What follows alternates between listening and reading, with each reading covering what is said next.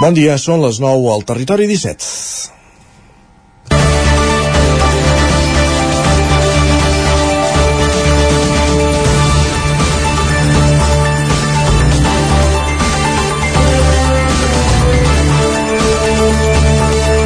El confinament i les restriccions imposades durant la pandèmia van provocar un increment del sentiment de soledat, uns canvis en les maneres de relacionar-se que tendeixen a consolidar-se. Aquesta és una de les conclusions d'un informe elaborat per Creu Roja i que alerta que 8 de cada 10 persones que ha atès l'entitat experimenten algun tipus de soledat no volguda.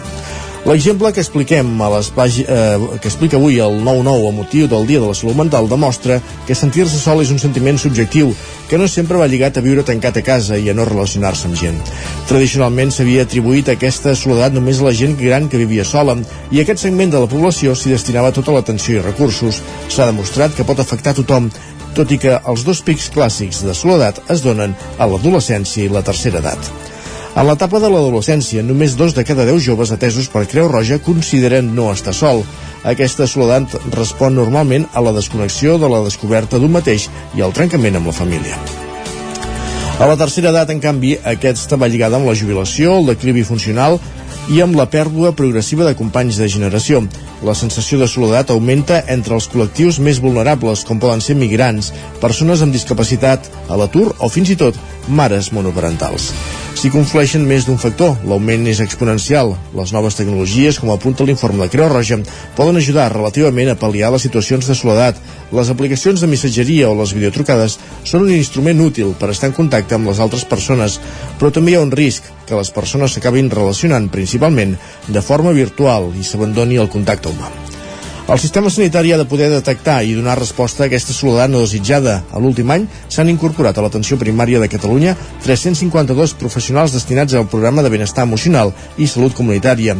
Han atès 25.000 persones en accions per pal·liar la soledat no desitjada, però també la gestió de l'estrès, l'ansietat, la depressió o el dol. Cal seguir en aquesta línia. És divendres, 21 d'octubre de 2022. Comença un nou Territori 17 a la sintonia d'Ona Codinenca, al veu de Sant Joan, Ràdio Cardedeu, Ràdio Vic, el 9 FM, i també ja sabeu que ens podeu veure a través del nou TV, Twitch i YouTube. Territori 17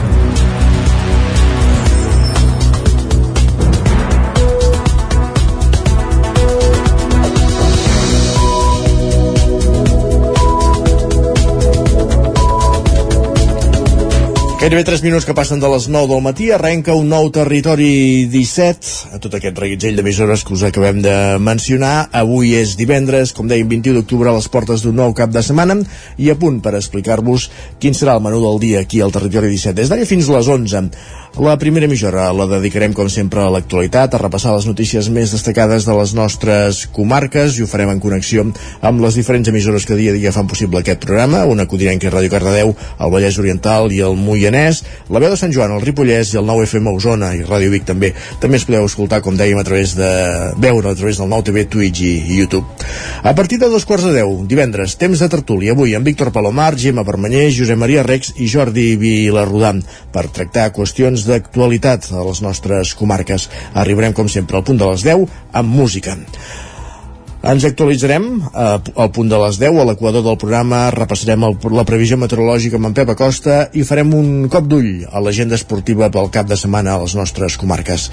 Com cada divendres acabarem el programa amb la visita d'en Jaume Espuny, que ens portarà un disc, una joia de la seva col·lecció que repassarem els clàssics musicals i acabarem el programa en connexió amb les diferents emissores del Territori 17 repassant l'agenda d'actes del cap de setmana. Això és tot per avui, sense més preàmbuls, arrenquem repassant les notícies més destacades de les nostres comarques, Osona, el Ripollès, el Moianès i el Vallès Oriental. El govern ha aprovat la construcció de dos edificis nous per a dues escoles d'Osona. Aquesta és una reivindicació des de fa anys a l'escola El Roure Gros de Santa Eulàlia de Riu Primer i a l'escola Eurom de Perafita. Els dos edificis estan degradats i s'han fet petits pel nombre d'alumnes que han de suportar. Els dos centres suposaran una inversió total de 5,7 milions d'euros. Sergi Vives. Dimecres al migdia l'equip docent docent i el consistori van brindar al costat del solar del carrer Nou on s'ubicarà l'esperat edifici de l'escola El Roure Gros de Santa Eulàlia de Riu Primer. El govern de la Generalitat n'ha aprovat aquesta setmana la construcció que ha de permetre solucionar les mancances de l'escola actual. L'acord del govern, però, s'ha fet esperar. Això ho explicava Xavi Rovira, alcalde de Santa Eulàlia. Era una notícia ja llargament esperada i des del febrer d'aquest any doncs, que sabíem que qualsevol Junta d'Acords de Govern de la Generalitat es podia aprovar, però finalment doncs s'ha fet esperar i una mica de suspens inclús, perquè clar, amb el trencament del govern doncs eh, sí que vaig poder parlar amb el, amb el conseller i em va assegurar doncs que no, que no tindria res a veure, que no esperaria res i per tant ja sabíem que, que aquest mes d'octubre doncs eh, hi hauria l'acord de govern.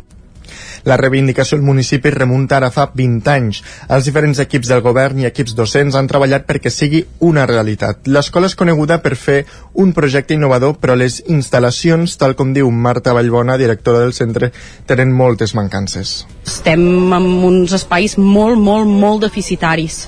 Molt en tots els aspectes, eh? a nivell eh, d'electricitat, a nivell de... Bueno, és que només falta veure-ho, els sostres amb aluminosi, pendents de que eh, de fer reparacions constants i res, esperem l'escola i poder fer un projecte d'escola adequat a la nostra escola eh, ja. El nou edifici permetrà al centre disposar d'espais més amplis adequats a les noves necessitats. La construcció del nou centre suposarà una inversió de 4,2 milions d'euros que finançarà íntegrament la Generalitat. Actualment l'escola té 5, 157 alumnes i 14 mestres. Aquests formaran part del procés participatiu per dissenyar el nou centre juntament amb la resta de la comunitat educativa. Segons les previsions, el nou, els nous espais s'haurien d'estrenar al curs 2026-2027 i a Perafita, per les dimensions que ha de tenir la nova escola, esperen poder estrenar-la en un termini més curt que Santa Eulàlia. En aquest cas, la inversió és d'un milió i mig d'euros.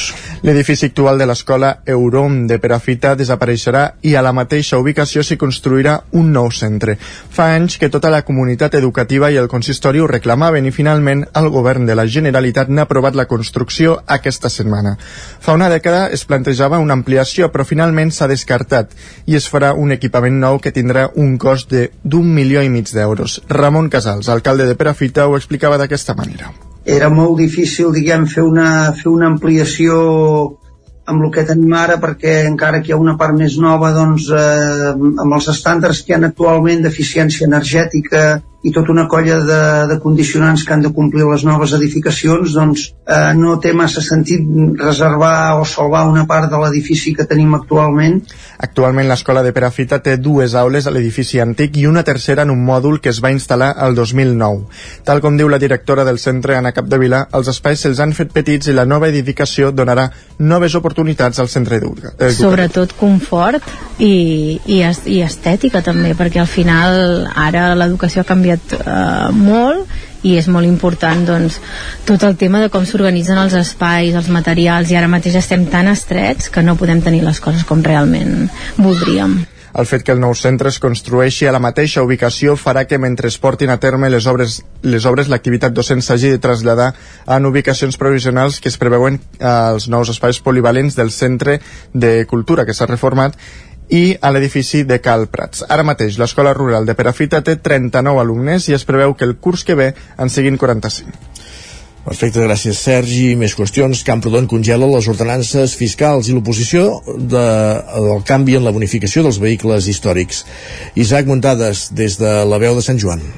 L'Ajuntament de Camprodon va aprovar les ordenances fiscals per l'any 2023 en el ple extraordinari del passat dilluns amb els vots a favor de l'equip de govern de Tots per Camprodon PSC i el vot contrari de Més Camprodon Esquerra Republicana de Catalunya. L'alcalde Camprodoní, Xavier Guitar, va explicar que havien decidit congelar les ordenances i aquest n'era el motiu. Les ordenances, degut a aquesta pujada del nivell de vida que hi ha, la idea, o sigui, el que, el que sempre es fa o el que teníem per costum era pujar el nivell de vida, però aquest any, en vistes de, de que estàs per sobre quasi quasi bé el 9%, vam veure inviable pujar les ordenances un 9%, perquè creiem que, que no és època de pujar el 9%. Per tant, el que es va decidir és de moment congelar i esperar a veure com evoluciona el mercat, com evoluciona aquesta inflació i tot plegat. I realment això l'únic que repercutiria seria contra les butxaques dels, dels camprodonins. El porteu republicà Joaquim Coc va justificar el vot negatiu del seu grup bàsicament per dos motius. En primer lloc, el regidor d'Esquerra va assegurar que amb tota la crisi econòmica derivada de la pandèmia de la Covid-19 i la guerra d'Ucraïna que ha fet apujar els preus, una simple congelació de taxes era insuficient i va dir que caldria baixar impostos encara que no es pogués fer tanta acció de govern perquè considerava que les persones eren la prioritat en aquest moment. Així doncs, Coc posava el focus en alguns impostos o taxes com el preu públic d'ús de la piscina, les taxes per demanar tràmits a l'Ajuntament, l'ocupació d'espais públics i l'IBI. Podem escoltar-lo. L'estat espanyol pot pujar-lo o no pujar-lo, però això és una, és una expectativa, no ho sabem amb certesa.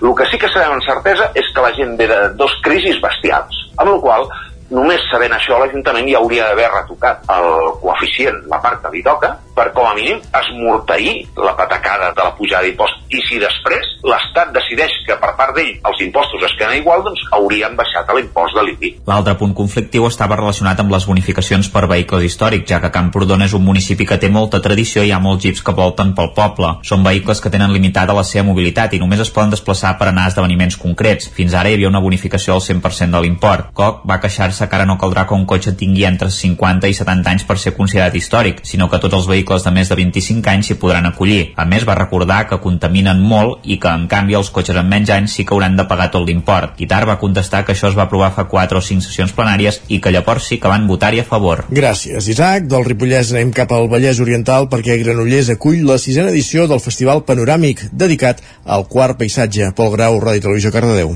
El Festival de Cinema, Fotografia i més va obrir les portes ahir dijous 20 d'octubre a Granollers. A les 7 de la tarda s'inaugurava la nau B1 de Reconvert. Es podran visitar les exposicions de mig centenar d'artistes a una vintena d'exposicions. Entre elles, destaca l'obra coral del grup d'exfotoporidistes Riverboom, o la recreació d'imatges icòniques de la mà de Joaquim Cortis i Adrián Sonderegger, on es podran visitar fins al 27 de novembre.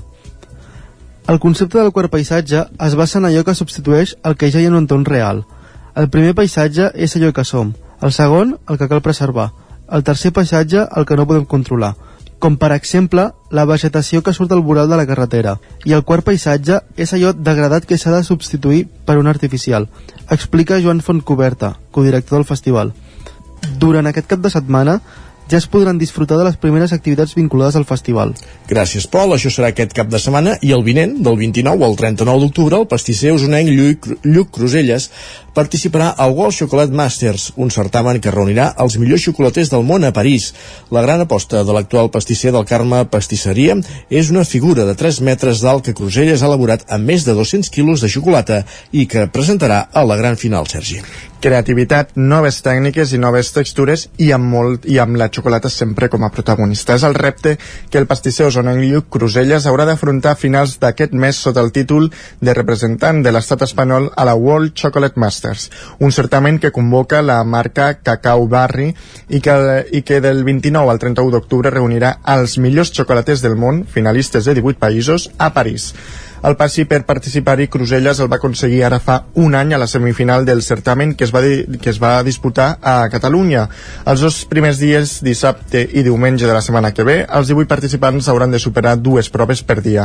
Només els 10 millors passaran a la gran final que es disputarà el dia 31. Això ho explicava el mateix Cruselles. Són dues proves per dia, per tant són sis proves, i consta d'una escultura gran, una escultura petita, postre, bombó, snack i un petit fur. Llavors, al final, la, la més mediàtica és la, la peça gran, que és una peça de 3 metres d'alt, que hi ha vora 200 quilos de xocolata i, bueno, al final eh, tinc ganes d'ensenyar el treball fet i ha estat també un any molt complex i molt, molt divertit a la vegada que sacrificat una peça de 3 metres que Cruselles ha elaborat amb més de 200 quilos de xocolata i que fins a finals de mes serà el secret més ben guardat del xocolater de Santa Eulàlia.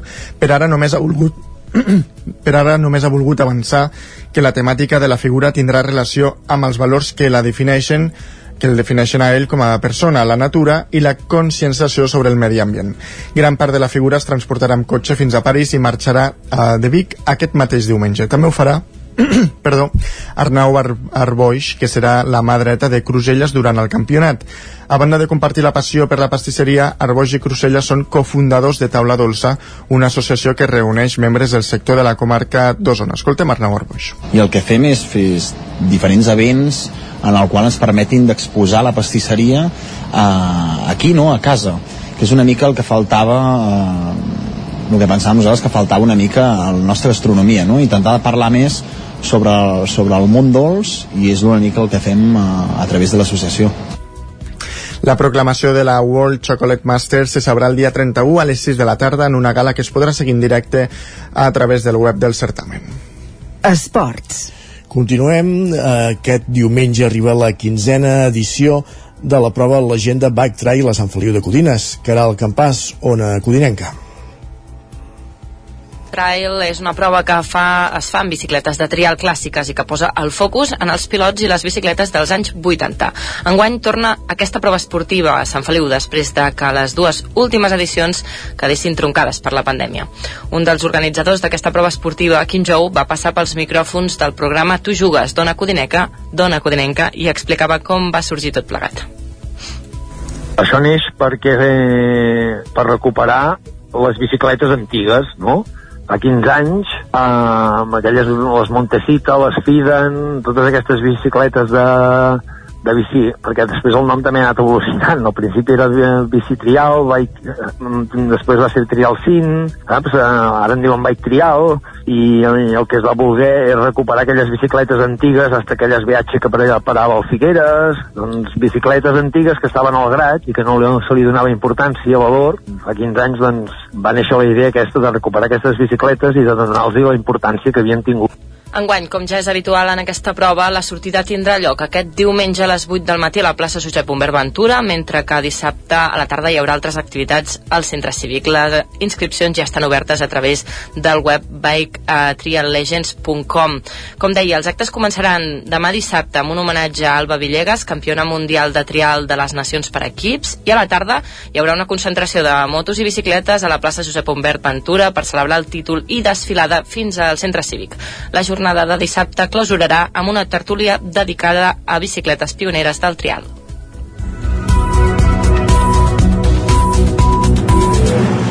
Gràcies, Caral. Fins aquí aquest repàs informatiu que començàvem al punt de les 9 en companyia de Caral Campàs, Sergi Vives, Isaac Muntades i Pol Grau. Moment ara al territori 17 de saludar en Pep Acosta. Tornem a una codinenca.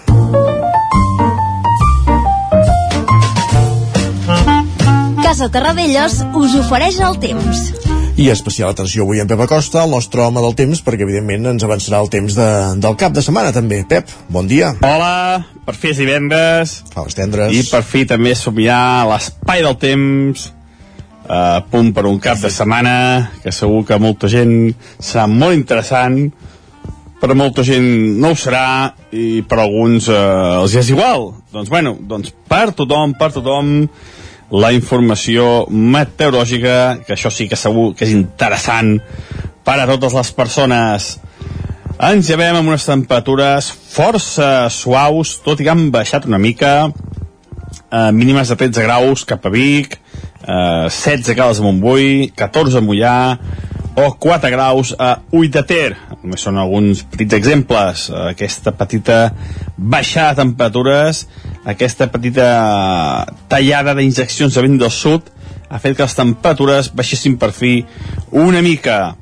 I ahir també per fi va ploure quantitats eh, molt, molt, molt petites eh, per sota els 5 litres a gairebé a totes les poblacions només va ploure eh, per sobre dels 10-15 litres a les capçaleres del Ter i el Freser, bona notícia, però bueno, eh, ni de bon tos es pot acabar amb la sequera que, que tenim. Eh, on va ploure més va ser cap a part occidental del Pirineu, ja sí que més de 50-60 litres, molt bona notícia, però bueno, va ser una pluja bastant concreta i no va ser molt extensa. Eh, convindria això, 70-80 litres, de forma molt més extensa i molt més eh, important a moltes, moltes zones. Eh, avui no acabem de fer net, no acabem de fer net, hi haurà força núvols, eh, però avui, i a diferència d'ahir, les precipitacions ja gairebé seran inexistents. Les temperatures molt semblants, molt semblants a les d'ahir, no, eh, no tindrem una, una, una, una refrescada important, però tampoc farà aquella calor migdia de fa 3 o 4 dies. Eh, les màximes voltaran entre els 22 i els 25 graus. Poder un palet, un palet més altes del que hauria de ser normal. Hi haurà força núvols, força núvols, però com dic, molt poques precipitacions. I el vent, aquest vent, de, aquest vent destacable, eh, es tallarà, ahir va haver ratxes fortes de vent cap al Pirineu, avui el vent disminuirà molt la seva intensitat. De cada demà dissabte serà un temps més estable, el sol serà gran protagonista i les temperatures tornaran a pujar.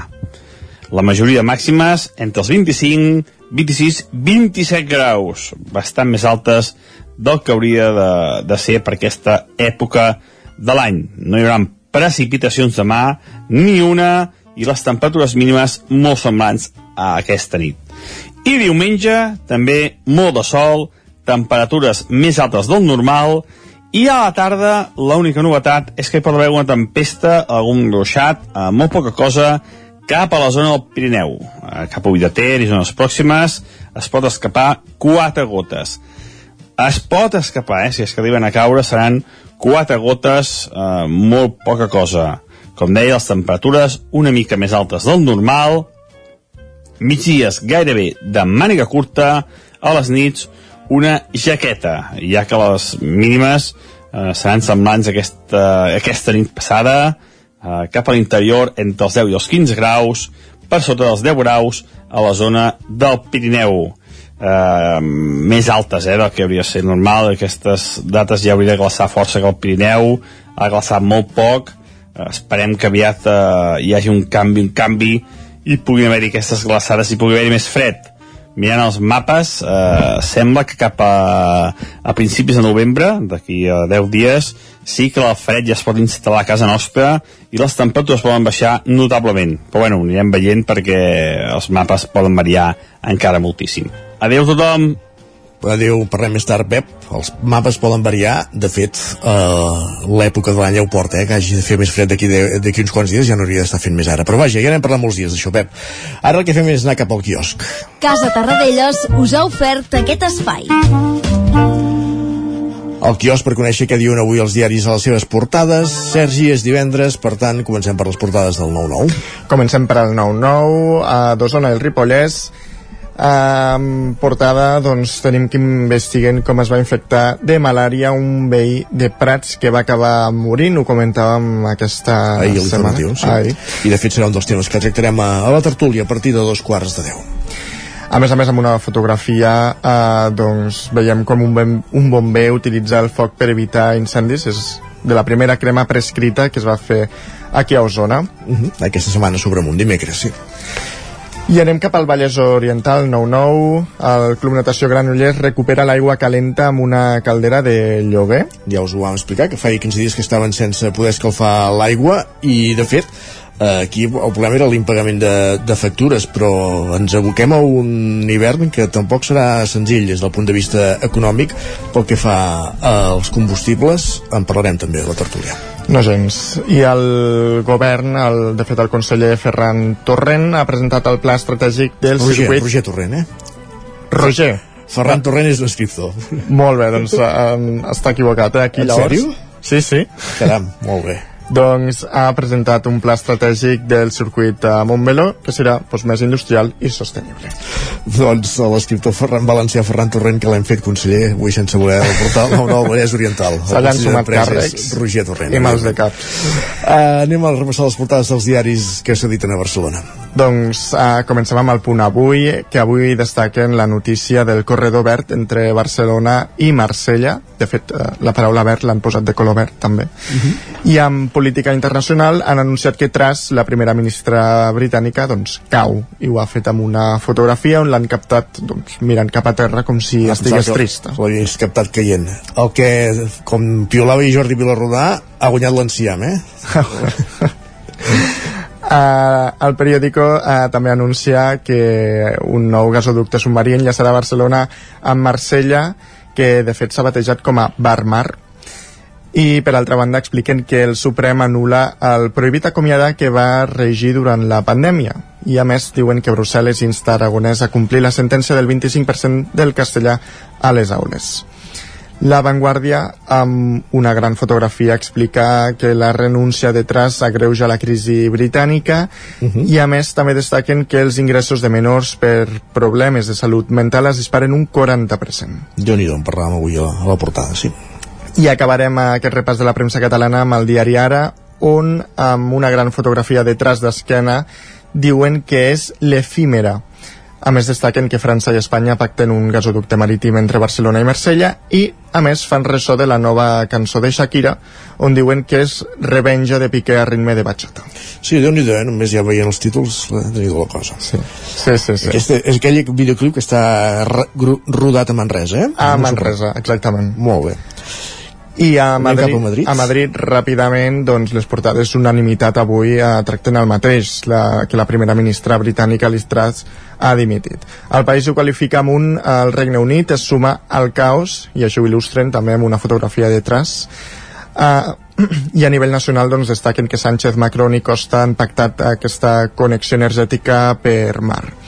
L'ABC descriu la dimissió de Tras com una dama de fang i ho fan també amb la mateixa fotografia que ha utilitzat el país i la resta de diaris. Um, i a més també destaquen que la Unió Europea va enviar auditors a Espanya pel caos en la gestió dels fons. El Mundo, per la seva banda, diu que la caiguda de Tras aguditza la deriva del Regne Unit després del Brexit i això ho representen doncs, amb la mateixa fotografia que han utilitzat la resta de diaris i a més destaquen que la Unió Europea ha instat Aragonès a complir les sentències judicials de l'Espanyol. I la Razón diu que... La Unió Europea ha instat, caram. La Unió Europea. Sí, molt bé. La Razón diu que Tras dimiteix als 45 dies d'arribar a Downing Street i ella sí que canvia i aquí sí que canvien la fotografia ho fan amb una que està d'esquena entrant a, doncs, amb aquesta casa de Downing Street i també destaquen que el PP i el Partit Nacionalista Basc tanquen assumptes per veure's abans de novembre i ningú fa servir, per tant, la foto de l'enciam, eh? No. Tenim 30 segons encara no per dir els dos titulars del 99.cat edició digital.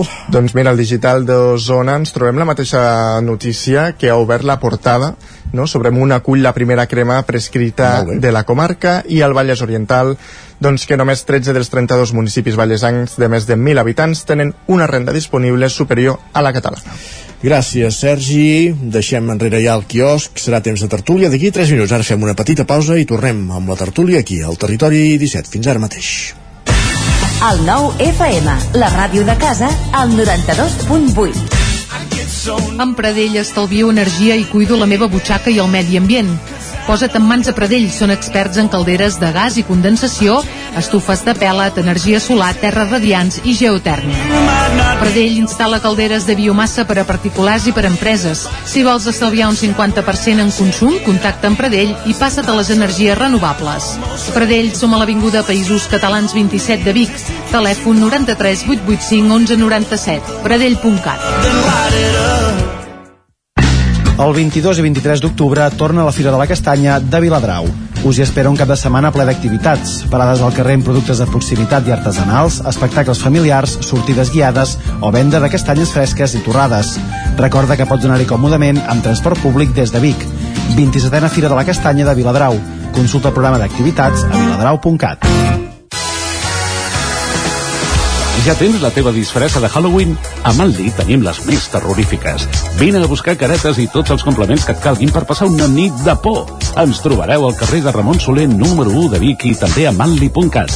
A Manli fem de la festa una bogeria. Cobertes serveis funeraris. Els nostres tanatoris estan ubicats en els nuclis urbans més poblats de la comarca d'Osona per oferir un millor servei. Tanatori de Vic, Tanatori de Manlleu, Tanatori de Centelles i Tanatori de Roda de Ter. Sabem que són moments difícils i per això el nostre compromís és atendre-us en tot moment amb un tracte humà, sensible i respectuós. Cobertes serveis funeraris. Telèfon 24 hores 93 883 23 46. Bon dia, són les 9 al Territori 17. La Miquel Parella, Cada matí i durant dues hores t'acompanyem i et posem al dia de l'actualitat de casa nostra. Potenciant així l'autonomia En aquest cas me la peça el teler si no... Cursos per feminitzar el pensament masculí. Territori 17, el magazín matinal d'Osona, el Moianès, el Ripollès i el Vallès Que la Oriental. meva àvia de 93 El anys 9FM, el 9TV, el 99.cat i també els nostres canals de Twitch i hora YouTube. demà per fer-se un tatuatge. Cada matí, Territori 17. Ole. Cocodril Club. Si t'agrada la bona música dels anys 60, 70 i 80, escolta el 9 FM els matins de dissabtes i diumenges d'11 a 1. És el temps del Cocodril Club, tot un clàssic de la ràdio, amb les bases del pop-rock, les llegendes, les cançons que s'han convertit en autèntics himnes. Recorda, dissabtes i diumenges al matí, d'11 a 1, al 9 FM 92.8. Cocodril Club. El programa revival de l'Albert Malla. Hasta luego.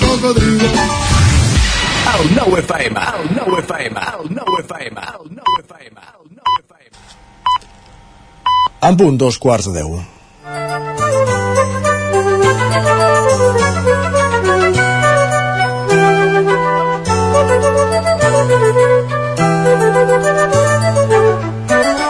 Dos quarts de deu, moment de tertúlia al Territori 17, com cada divendres, avui en companyia de Jordi Vilarrodà i Víctor Palomar, als estudis del 9FM. Bon bon dia, Jordi. Primer Bon tot. dia, molt bon dia. En breus moments s'incorporarà també en Víctor Palomar. Uh, la Gemma Permanyer, des d'Ona Codinenca. Bon dia, Gemma.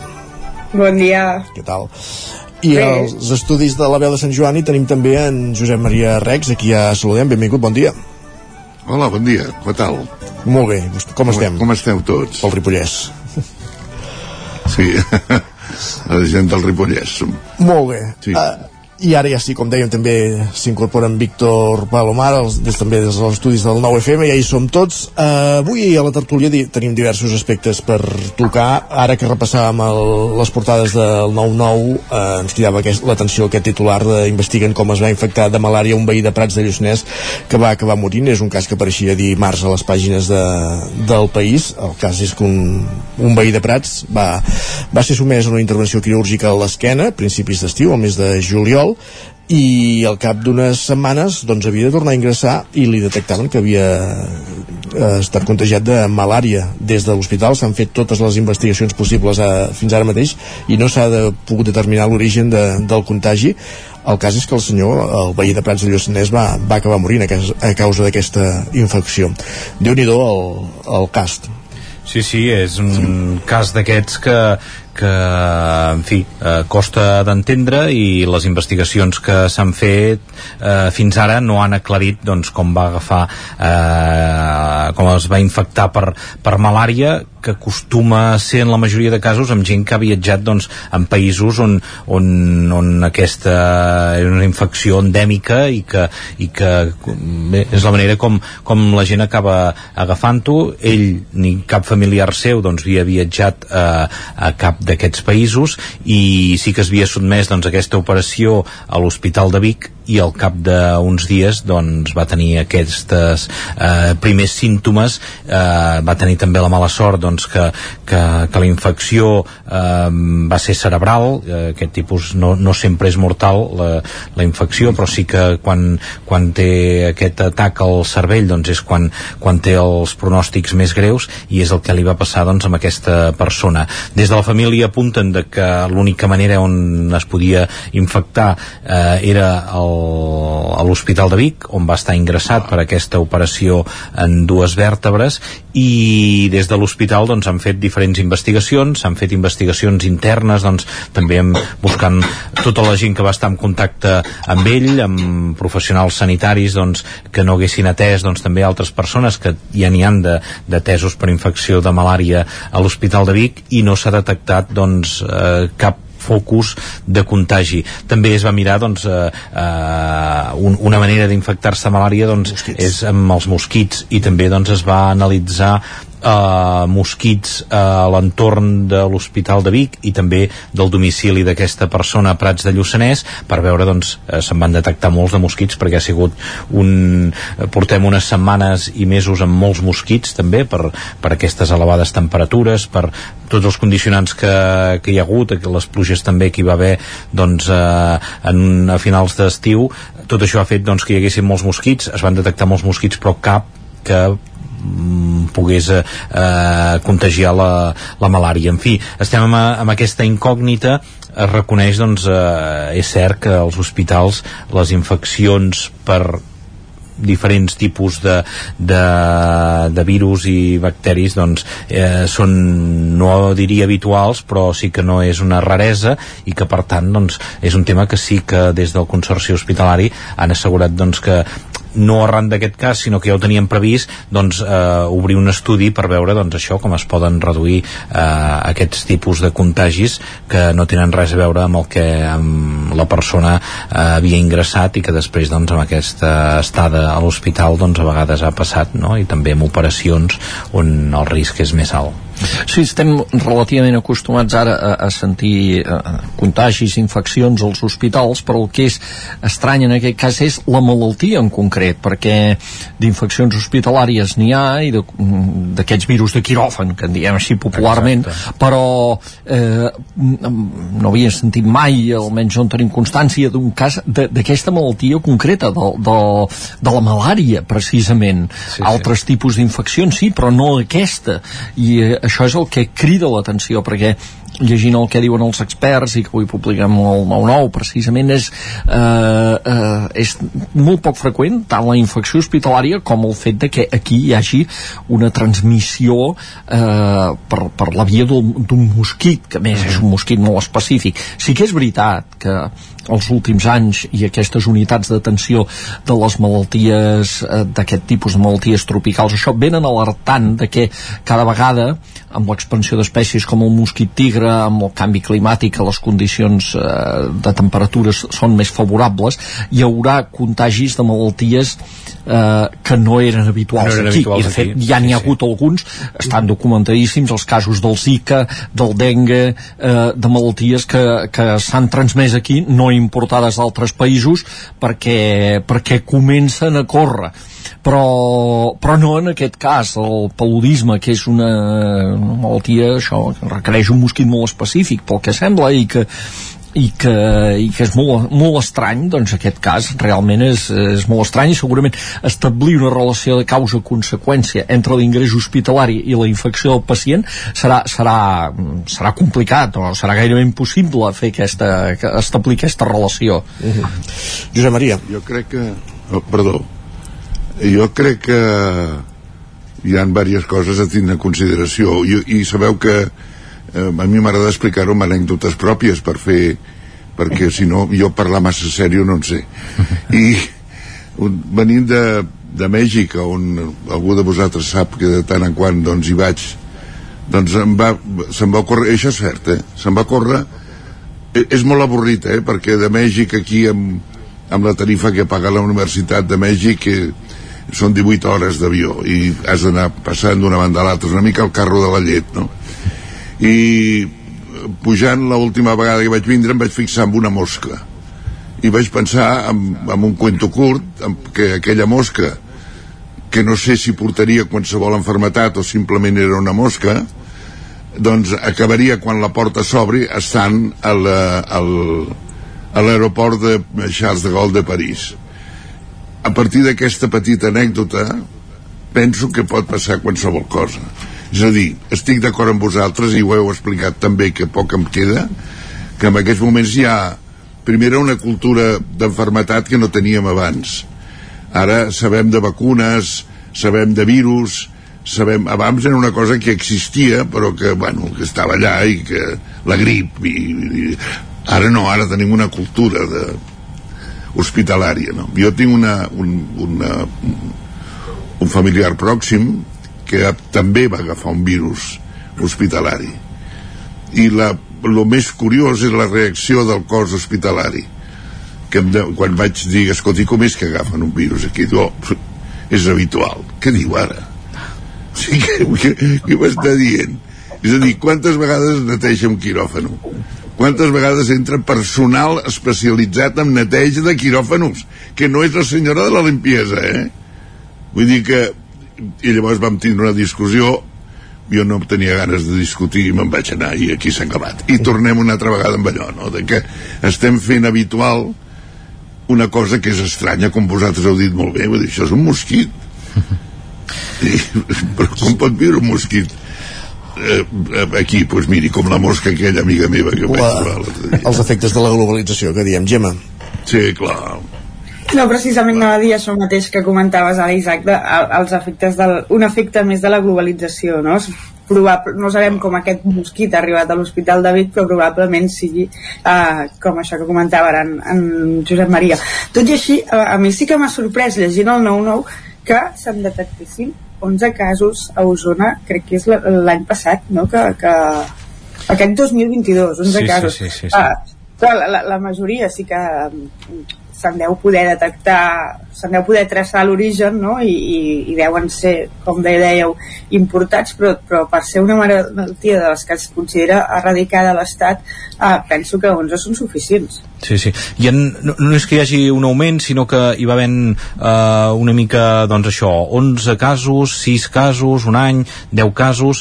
Eh, sí que és veritat, és això, eh, que ara hi ha la mobilitat que, que té la gent, eh, excepte amb, el, amb els anys de la pandèmia, clar, hi ha molta mobilitat, també és una, una a part de la gent doncs, que viatja per turisme, doncs també, eh, i en aquest cas molta gent doncs, eh, ja abans eh, eh, s'informa i pren totes les mesures abans de viatjar a un país on, on aquesta és una malaltia eh, habitual, eh, però també hi ha molta mobilitat també de gent doncs, que té familiars aquí, hi ha un percentatge d'immigració elevat i, i és això, i normalment no és una malaltia mortal, el que passa, el que ha fet curiós aquest cas o el que ha fet destacable és el fet aquest primer que les conseqüències hagin sigut tan greus perquè eh, això és el, eh, pot afectar o amb nens o amb gent gran aquesta infecció cerebral que acaba anant a la infecció al cervell i és quan acaba pot ser mortal però la majoria de vegades doncs no té conseqüències molt més greus i per tant és un, un tema com a nosaltres també ens, va, ens ha sorprès Gemma i el, el, fins, que no, fins que no ha passat aquest cas doncs veure, ostres, ostres, doncs no teníem constància ni que n'hi hagués cap, no? I hem començat a, a informar, a informar-nos, doncs, això, per veure aviam realment que, que, que, quina, quin impacte té la malaltia i, i, i quins números se n'atenen.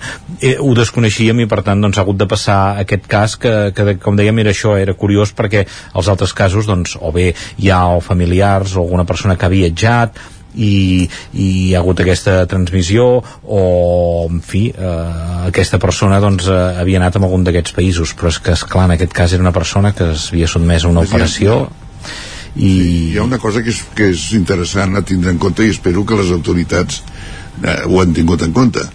Les dades de, de, de, de l'aparició d'aquesta enfermetat aquí coincideixen amb, la, amb el retorn de molts immigrants de les vacances que han anat amb els seus països no, no, no, no vull culpabilitzar ningú ni moltíssim menys ni posar-ho de fet, no només Però, immigrants també, clar, no només immigrants clar, també gent quan li viatja, preguntes també un- viatja no? Diguéssim, aquests països on, Clar, on també, i quan, quan tornes d'un país d'aquests, l'enquesta no és profunda. És a dir, pregunten, vostè ha estat últimament? Clar, jo si no hi he estat diré que no, però si he estat i estic aquí en una situació d'immigrant, que em falten encara dos papers i tot plegat, i diré, no, ah, no, no, jo no, perquè això, això ho sabem tots que passa. Per lo tant, mm, una mica més... Per un cas, una flor no fa primavera, però dos sí que fa estiu, eh? Vull dir que allò que diuen... No, jo crec que... Cuidado perquè eh, el moviment d'enfermetats tropicals i eh, crec que a Barcelona hi ha un institut molt ben especialitzat en aquests temes. Eh, cal començar-la a tindre en consideració perquè és el que deies tu abans que és que el moviment global entranya això és la mosca, eh? Vull dir que la mosca no paga bitllet, està allà dintre i quan surt, surt en un altre país. Una altra de les investigacions que s'ha fet era aquesta persona amb l'operació va rebre una transfusió de sang, va rebre sang i també doncs s'ha analitzat perquè sempre quan hi ha aquesta transfusió de, de sang se'n guarden unes mostres Sí. per si hi hagués el, algun problema i també s'ha analitzat aquesta sang per aviam si les persones donants eh, que també se'ls ha contactat per aviam si havien eh, estat en contacte amb, o havien viatjat en algun d'aquests països doncs s'ha analitzat per veure doncs, que no hi hagués eh, que, que la via de contagi eh, fos amb Això és- aquesta transfusió de sang i tampoc Això és més difícil, eh? Uh -huh. Això és més difícil perquè es prenen moltes i, i bones precaucions, però pot ser. Sí, sí, exacte. No, no, clar, quan, quan hi ha tanta incertesa tot, tot pot ser, està... Clar, Clar. S'ha d'analitzar Antigament, quan no tot. se sabia una cosa, deien que era, que era cosa de Déu o que era cosa dels extraterrestres. Quan no hi ha explicació ara, són, són els extraterrestres, però això no, això són els terrestres terrestres, eh? i després també amb, amb, una, amb un cas com, com aquest si es pogués arribar, jo crec que als centres sanitaris s'han de cobrir les espatlles per veure que, que això, que no hi ha hagut cap negligència, perquè és lògic doncs, que si s'acabés demostrant que, que aquesta persona es va infectar dins el centre hospitalari i hi hagués algun, eh, alguna cosa que no es va arribar a fer bé, doncs que, que, que poguessin demandar i, i poguessin demanar. Per tant, està bé que, que s'aclareixi perquè Sí, això, i que els centres sanitaris donguin explicacions, que surtin a, a donar la cara i a investigar i, i el dia I que, que se sàpiga... s'exigeixi el compliment dels protocols perquè els protocols estan fets, eh? Exacte. Vull dir que, és- que s'exigeixi absolutament que no hi hagi la negligència aquella típicament mediterrània dir, ah, no, no passa res vull dir, eh, no, eh, no, eh, vull dir que estem jugant amb la, amb la vida de la gent, eh? perquè aquest senyor va entrar per una operació relativament senzilla, no? Sí, sí, oberta. I se li ha desencadenat, per lo tant, el, el, això és l'embut, no? Ha anat a parar en un centre hospitalari. Per lo tant, el primer sospitós d'algú és el propi centre hospitalari, no? M'agradaria introduir altres qüestions avui a la tertúlia. Gemma, tu que estàs més avasada en la informació del Vallès Oriental, 15 dies enrere ja informàvem de que, del fet que, que, la, que el Club Natació Granollers no podia escalfar l'aigua, els havien tallat el subministrament, semblava per, per impagament. Eh, m'agradaria que ens posessis llum amb aquesta qüestió, però també m'agradaria fer-ho, utilitzar-ho per introduir un dels temes que, que serà recurrent aquestes properes setmanes, aquest hivern, que és la, la crisi que pot haver-hi amb el tema de, dels preus de, de l'energia, sobretot quan haguem de començar a escalfar-nos a casa, etc etc. I, i, I qui diu a casa diu a les indústries, a les empreses, etc perquè la factura pujarà per, per tothom, no? Comencem, anem a pans, Gemma, eh, amb el tema aquest de, del Club Natació Granollers. Exacte, el Club Natació Granollers, eh, que és, jo diria que amb número de, de socis el més important de la, de la capital ballesana, el dia 5 d'octubre eh, l'empresa A Plus Energy li talla el subministrament d'aigua calenta per impagament de factures. Segons l'empresa, eh, l'empresa demana en el club mig milió d'euros eh, que segons Bueno. ells deuen de, de factures retrasades. Uh, han estat molts dies sense aigua calenta, fent que gent esportistes d'elit hagin d'anar a entrenar a altres clubs de la comarca i deixant també sense servei els usuaris del, del gimnàs i de, les, i de les piscines. Això, evidentment, doncs, ha portat uh, conseqüències a nivell social, a nivell de queixes de persones que estan pagant una quota per tenir un servei del qual no poden gaudir tots, tots aquests dies. Uh, ara hi ha hagut una, una solució, l'Ajuntament es va comprometre a que se solucionaria abans d'acabar aquesta setmana, però tot i així és una solució provisional, perquè el que han fet ha estat llogar una caldera per poder subministrar aigua calenta a la piscina interior i als vestuaris i posteriorment es farà el, el mateix amb la, amb la piscina exterior.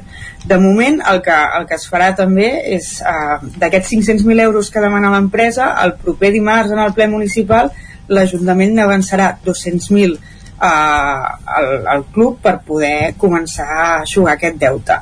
A partir d'aquí, doncs, interpretacions la, les que vulgueu, si, que si és un tema de gestió del club, que si és un tema de, de l'Ajuntament si ha vetllat o no ha vetllat prou perquè, perquè eh, es complís tot el, el que s'ha de complir i no s'arribessin a aquests extrems. Sí que és cert doncs, que, que com bé avançaves Isaac, hi ha tot aquest encariment del preu de l'energia que ara eh, en començaran a, es començaven a palpar les conseqüències no només al club sinó tot tipus d'administracions i a partir d'aquí desvio una mica uh, el tema i uh, apuntaré diversos mm, casos que ens hem trobat darrerament.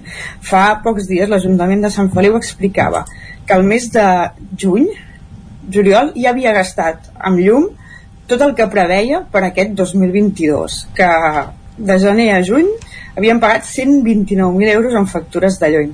I l'any passat en aquest mateix període eren 74.000 per tant ja havien fet un 66% més uh, només al mes de juny. Això en un ajuntament que té un pressupost de poc més de 4 milions d'euros. L'alcalde de les Franqueses l'altre dia també em, comentava que de cara a l'any que ve ja preveuen pressupostar un milió d'euros només de llum per alimentar tots els equipaments municipals, que això també és tres vegades més que el que tenien uh, per aquest any. Aquí, uh, una de les coses que apunta l'Ajuntament de Granollers per resoldre aquest problema que comentàvem amb la, amb la piscina és poder utilitzar la caldera de biomassa que hi ha a les pistes d'atletisme que estan molt properes on hi ha la piscina. I aquí és quan obrim tot aquest bloc de les, de les energies alternatives i de buscar solucions davant d'un constant increment del, del preu de l'energia, no? Uh -huh. No sé si, uh, si la biomassa en aquest cas uh, seria una solució per tots aquests municipis, però sí que és cert que s'han de començar a trobar solucions perquè si uh, en el nostre dia a dia, a casa nostra ja ho notem tots, només falta que les nostres administracions no puguin fer inversions perquè han d'estar pagant uh, subministraments bàsics. Sí, sí, a vegades eh, els canvis es produeixen per múltiples factors, no? Perquè estàvem parlant d'aquesta transició energètica per, per pensant en temes de, de medi ambient per, perquè els combustibles fòssils doncs, eh, són finits i que per tant s'han de buscar eh, energies verdes alternatives i que no, i que no tinguin aquesta caducitat i, i respectant el medi ambient i després ens trobem que els canvis es multipliquen eh, ja ho havíem dit amb la pandèmia es multiplicaven i, i s'acceleraven eh, canvis i en el cas de l'energia jo crec que passarà el mateix no? que, que, que la crisi energètica mm, eh, accelerarà el, el, la transició que, que ja havíem de fer per temes de medi ambient no? i aquesta instal·lació doncs, que cadascú pugui reduir la seva factura perquè si no no es podrà assumir o aquest hivern que la gent pensarà en mesures alternatives ja no pensant en, només en les administracions com deies tu, tu Gemma, amb unes xifres que ostres, realment m'han creat l'atenció eh? és bastant eh, impactant doncs això què passarà?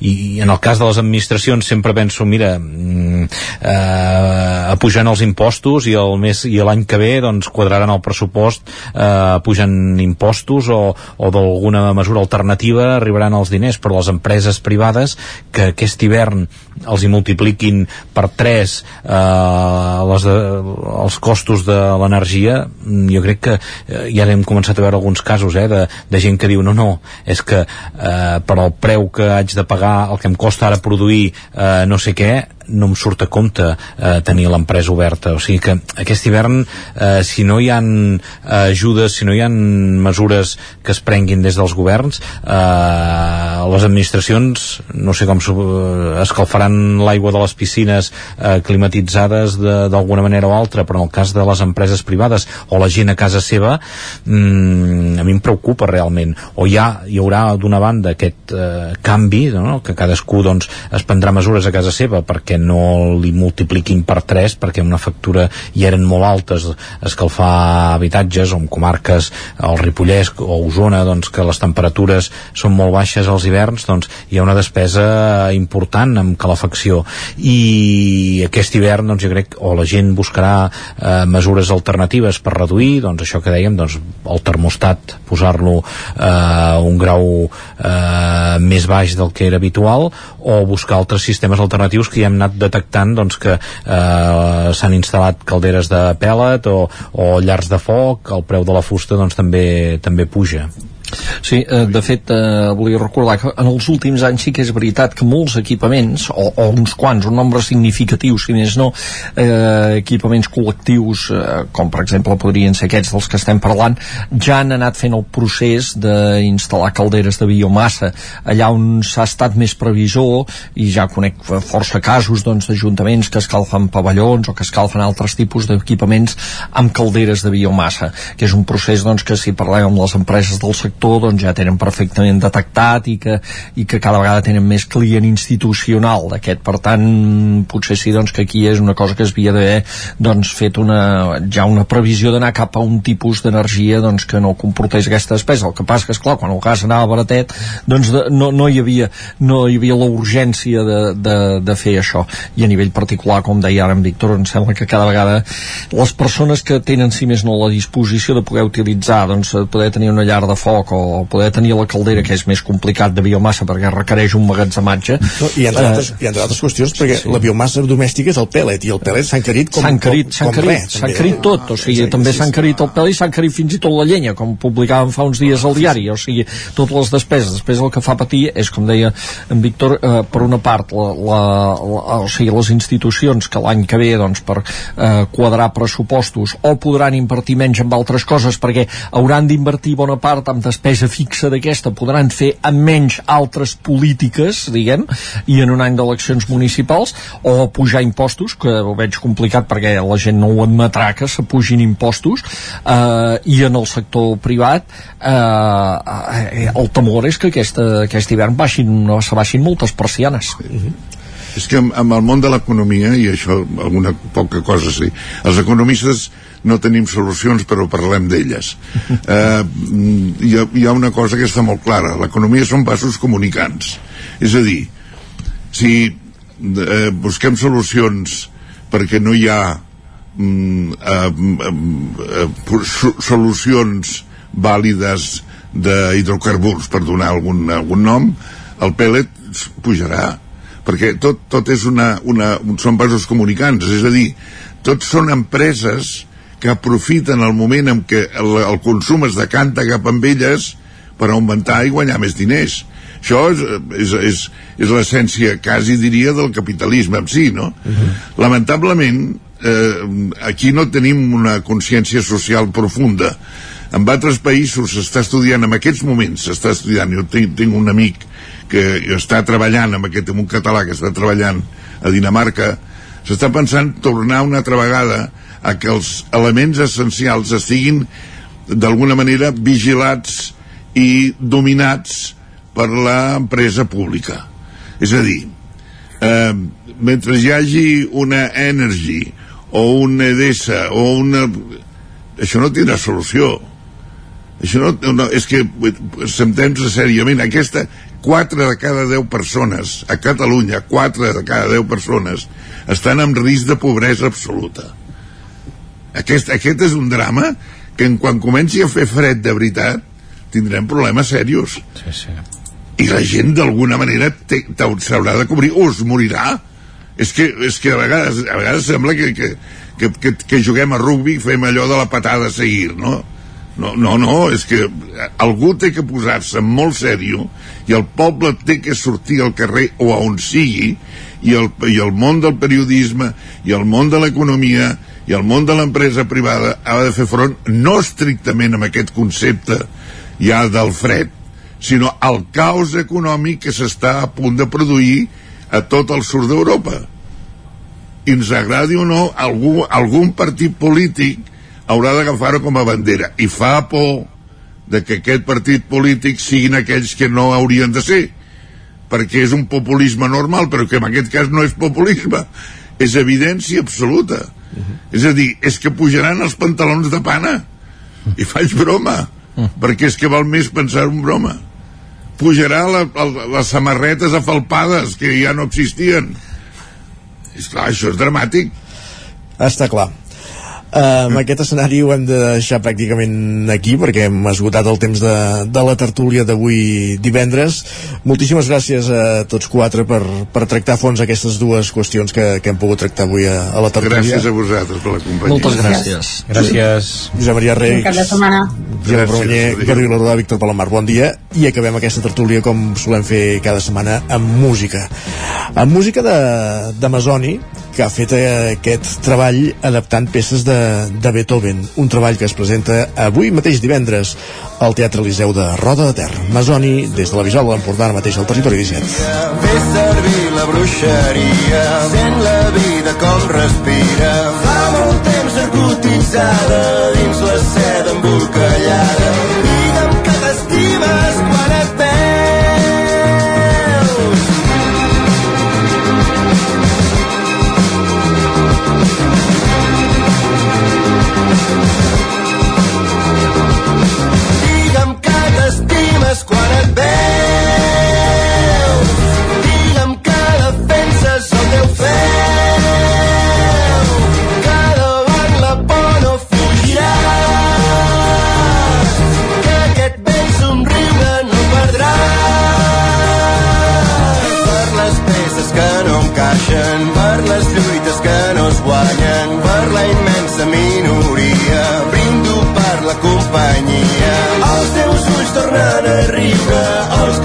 cavalls ja corren lliures digue'm que t'estimes quan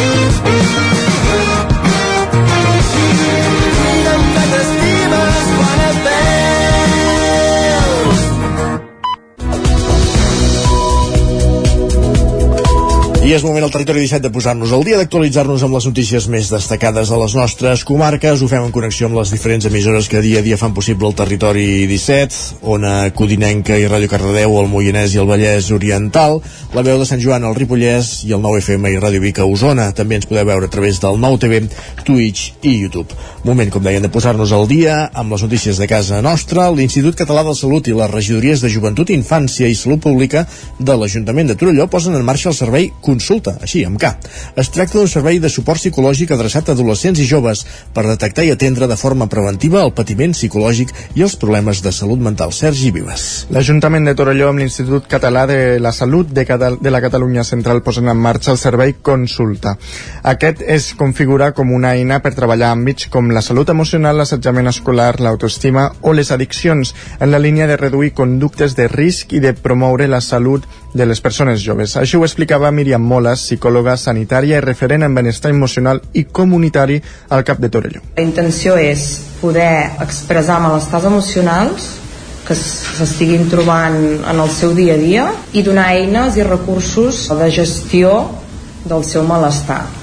El projecte neix de la pròpia demanda del jovent, concretada en els informes de la diagnosi del nou Pla Local de Joventut o en les conclusions del projecte DESCOHORT, liderat per la Universitat de Vic. Xavi Lozano, regidor de Joventut de l'Ajuntament de Torelló, ho explicava així. Sortia en estudis com per exemple el Descohort o així també sortia quan l'estat d'ànim si s'havia vist afectat per la pandèmia doncs veiem que un 30% aproximadament eh, deia que va estar no molt les problemàtiques en salut emocional es van agreujar amb la pandèmia i arran d'això, Torelló Jove ofereix a la gent jove afectada un espai per ser atesa i on pugui expressar-se i sentir-se acompanyada. D'aquesta manera ju ho justifica David Sánchez, regidor de Salut Pública de l'Ajuntament de Torelló, la creació d'aquest espai. la pandèmia aquesta doncs, ens va marcar eh, molt el jovent eh, durant dos anys eh, els hi ha tallat molt diguem, el, seu, el seu ritme no? i els ajuntaments doncs, doncs, ha arribat al punt de que han de fer polítiques per trobar de, fórmules de, de, de, per ajudar amb, amb aquest col·lectiu no? L'espai consulta funcionarà de, els dilluns de dos quarts de sis de la tarda al Torelló Jove i consistirà en una dinàmica grupal amb un màxim de sis persones d'una hora i mitja de durada. Un espai que va adreçat a adolescents i joves de 12 a 22 anys. Més qüestions. Anna Revés, de 44 anys, i Ariadna Seuba, de 35, fa 3 anys que comparteixen el desig de ser mares. Un procés que Revés va començar l'any 2016 i que l'ha portat a sotmetre's a inseminacions i a la fecundació in vitro. Des de l'any 2019, cada pas que fan juntes cap a la maternitat l'han gravat. El resultat, més de 550 hores gravades, que es podrà veure en un documental titulat Mares, Sergi. L'any 2016, amb, i amb 38 anys, la bigatana Anna Revés va començar en solitari un procés de reproducció assistida per quedar-se embarassada. Al cap de 3 anys va conèixer la seva parella i amb qui ara comparteix el desig de ser mare, la realitzadora audiovisual Ariadna Seuba. Amb el confinament van començar a gravar les primeres converses de com seria ser mares i sens dubte eh, que aquesta experiència els podria comportar. No va ser eh, fins al mes de juny quan càmera en mà també van decidir enregistrar la, primer, eh, la primera visita al metge per gestionar la fecundació in vitro. Aquest era el punt de partida de Mares, un documental dirigit per Seuba que, que, vol posar llums i ombres a un procés més comú del que sembla. Escoltem Anna Revés. Però de seguida vaig veure també eh, que compartíem la visió aquesta de que era necessari parlar-ne perquè realment són processos que no es comparteixen massa, es queden en el si familiar i, i ja hem heredat com aquest tabú sobre tot el tema de la reproducció assistida que crec que no ajuda ni fa un favor a ningú. En aquest moment, la parella de 44 i 35 anys va convertir el seu pis en un autèntic plató. Per ara acumulen més de 550 hores gravades, la base d'un documental que veurà llum l'any que ve i que vol mostrar sense embuts, visites mèdiques, però també moments tan bonics com dolents, explicava Seuva, que viuen en la intimitat del seu pis. Per mostrar una cosa que és de debò, s'ha de gravar molt, perquè nosaltres també al principi estic segura que, que estàvem molt més encarcarades quan hi havia la càmera, estàvem molt més pendents de, no, vols estar estupenda, quan la càmera grava sempre, al final ja te n'oblides i per oblidar-te que, que hi ha una càmera gravant, doncs has d'incorporar-la com un, un fet quotidià en la teva vida. I per sort o per desgràcia nosaltres no ens hi hem acostumat i espero de debò que aquestes 550 hores serveixin per realment poder mostrar la puresa d'aquest procés. Revés explicava que l'objectiu també és fer evident la contradicció que suposa les dones de l'edat biològica ideal dels 20 als 30 acostumi a coincidir amb la dècada d'explosió laboral. Més qüestions. A l'Esquirol avança en l'execució d'un projecte que ha de permetre col·locar 240 panells fotovoltaics, energia fotovoltaica, a la teulada del pavelló.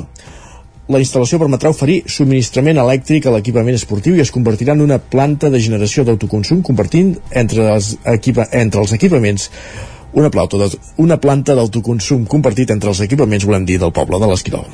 El pressupost que l'Ajuntament de l'Esquirol preveu per aquesta instal·lació és de gairebé 140.000 euros. El municipi va confirmar que dins dels ajuts del programa Renovables 2030 de la Diputació de Barcelona, l'Esquirol disposarà d'una subvenció de 125.500 euros, el que representa el 90% del cost total de la inversió. Es preveu que la producció mitjana d'energia de la instal·lació a la coberta del pavelló sigui de més de 160 1.000 kWh hora i el consum dels equipaments municipals que s'inclouran en l'autoconsum la, compartit segons dades del 2019 se situa en els 94.000. Així doncs aquest escenari obre la porta perquè els veïns de l'entorn del pavelló amb un radi màxim de 500 metres es puguin aprofitar de l'energia generada. La inversió també provocarà un estalvi en tones d'emissió de diòxid de carboni. Més qüestions. La tercera edició de l'Oncodin Trail se, celebra el, se celebrarà el 15 d'abril. Se sortirà de Sant Quirze a Safàgia i hi haurà dos recorreguts, corrent i caminant, que era el campà, zona codinenca. Aquest repte esportiu i solidari que consisteix en caminar 60 quilòmetres o córrer 80 quilòmetres celebrarà aquest abril la seva tercera edició. La prova, que es disputa per equips d'entre 3 i 6 persones, transcorre per camins i pobles del Vallès Oriental i del Moianès. Lluís Vilalta, membre de l'organització, explicava un dels principals canvis que hi haurà en aquesta propera edició. Mira, jo començaria pel canvi de recorregut. Aquesta seria una de les tres novetats grans que hi ha hagut aquesta edició, no? Canvi de recorregut, eh, aquest any en lloc de sortir de Granollers, que ja va ser un canvi important, aquest any fem un altre canvi, sortim de Sant Quirze. Clar, el fet de passar per tots els pobles és complicat, o sigui, si tu vols fer una ruta que hi entri en els 11 pobles i que puguis passar per dintre de tots ells, mm, seria més llarga llavors costa molt trobar els camins per poder adaptar aquests 60 60 i pocs quilòmetres caminant a la córrer no tens massa problema perquè fins a 80 tens molt marge, no? A hores d'ara ja hi ha més de 300 inscrits en les diverses modalitats de la prova. Cada conjunt que hi participa té un doble objectiu. D'una banda, completar la cursa i de l'altra, recaptar un mínim de 600 euros que es destinaran íntegrament a la Fundació Oncovallès, la Barcelona Brain Health Initiative i la Fundació Enriqueta Villavetxia. En aquest sentit, com en cada edició, la participació a la cursa requerirà la donació de cada equip a banda de la inscripció de cada un dels participants per a despeses de l'organització. Gràcies, Caral. Més qüestions.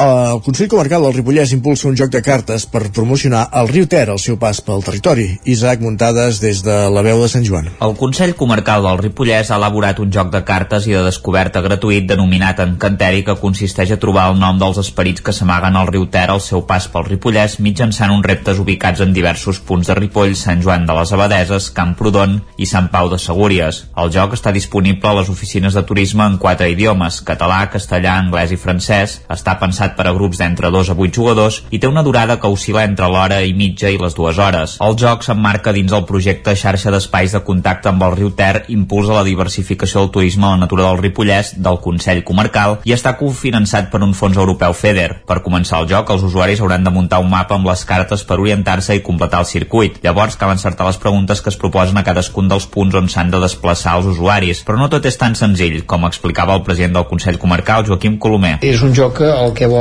és donar a conèixer el nostre territori. Hi han preguntes doncs, de, de tot tipus, preguntes relacionades amb història, però també amb natura, amb cultura. També eh, t'implica doncs, a vegades fer o respondre a aquestes preguntes amb certes metodologies. Per exemple, algunes d'elles doncs, t'insten a, a jugar sense poder formular cap paraula, o has de fer mímica, o has d'estar en silenci, o has de dibuixar, i posen doncs, aquest plus de més que no només és purament un, un joc de cartes, no? sinó que et fan doncs, interactuar d'una manera doncs, més eh, directa i fer-ho més divertit. L'objectiu del joc és saber el nom dels quatre esperits de riu per obtenir una pulsera acreditativa a l'oficina de turisme a mesura que s'ha superat el repte. Colomer explicava com es podien descobrir aquests noms. El que fas doncs, és una graella en la qual doncs, tu responguent bé les preguntes vas complementant cada inicial i amb aquestes inicials el que acabes fent és trobant el nom concret d'un un esperit o un follet del riu, no? El joc està format per 45 cartes, les d'encanteri que compliquen el joc i atorguen característiques i poders als jugadors, la de repte que expliquen l'enigma que s'ha de resoldre a la ubicació indicada i les de claus, que permeten saber el nom de l'esperit. Per jugar-hi s'ha d'estar al poble on es du a terme el repte, ja que per exemple a Ripoll hi ha una pregunta que et demana que sumis tots els números que surten a l'any de construcció d'una font determinada que només es poden saber si hi vas. I de les cartes a les xapes, perquè el santallenc Adrià Garriga s'ha convertit en el primer campió mundial de xapes. Sergi. Es tracta d'una modalitat que es juga en un taulell i que recorda molt al futbol botons, un joc que s'assembla molt al futbol però que en comptes de jugadors utilitza botons.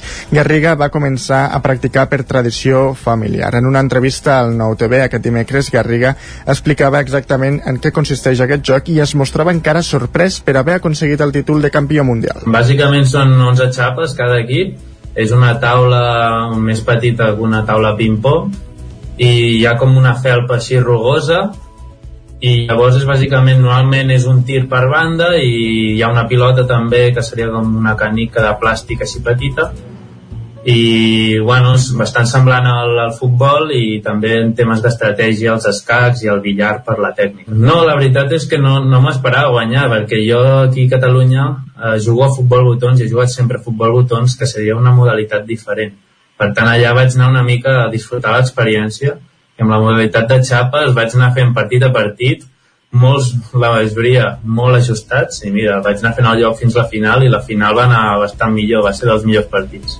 La seva tècnica, però, el passat dilluns el va portar a convertir-se en campió mundial d'aquesta modalitat. Un títol que va obtenir al Campionat Mundial que es va celebrar la setmana passada al Brasil després de vèncer l'hongarès Matko per 0 a 2. I més qüestions. Per acabar, ara coneixerem l'Ignasi Lalaia, que comença la seva aventura pel desert del Marroc a la Pana Reitz. Qui són? Eh, Pol Grau, des de Radio Televisió Cardedeu.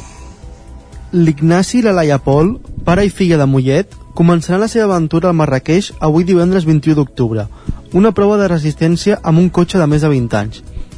El requisit indispensable per poder participar en aquesta carrera és que només es poden utilitzar dos models de cotxes, un Seat Panda i un Seat Marbella, els dos amb més de 20 anys d'història. La prova durarà tota una setmana, amb 7 etapes.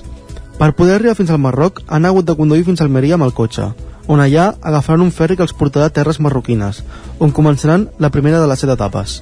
L'Ignasi, mecànic de professió, ja sap el que és manejar cotxes antics amb diferents novetats tecnològiques i fins i tot arreglar-los, per si es donés el cas durant alguna etapa. Però la Laia, amb 19 anys, la seva experiència és mínima, ja que quan estigui allà farà un any que es va treure el carnet. Però tot i això, s'ho com un repte. En un començament, la Panda Ride s'havia de disputar al març, però donades les restriccions sanitàries que hi havia per viatjar, l'organització va decidir ajornar la cursa al mes d'octubre. Gràcies, Pol. Doncs estarem atents de la participació d'aquesta parella, aquest pare i filla de Mollet a la Panda Ride. Amb això acabem aquest bloc informatiu que començàvem a les 10 en companyia de Pol Grau, Sergi Vives, Isaac Muntades i Caral Campàs. Anem per la previsió del temps.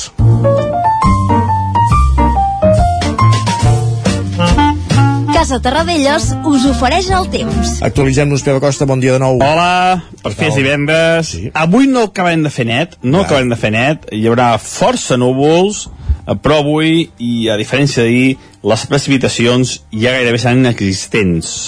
Les temperatures molt semblants, molt semblants a les d'ahir, no, eh, no tindrem una, una, una, una refrescada important, però tampoc farà aquella calor migdia de fa 3 o 4 dies. Les màximes voltaran entre els 22 i els 25 graus. Poder un palet, un palet més altes del que hauria de ser normal. Hi haurà força núvols, força núvols, però com dic, molt poques precipitacions. I el vent, aquest vent, de, aquest vent destacable, eh, es tallarà, eh, hi va haver ratxes fortes de vent cap al Pirineu, avui el vent disminuirà molt la seva intensitat. De cara a demà dissabte, serà un temps més estable, el sol serà gran protagonista i les temperatures tornaran a pujar. La majoria de màximes entre els 25, 26, 27 graus, bastant més altes del que hauria de, de ser per aquesta època de l'any. No hi haurà precipitacions demà, ni una, i les temperatures mínimes molt semblants a aquesta nit.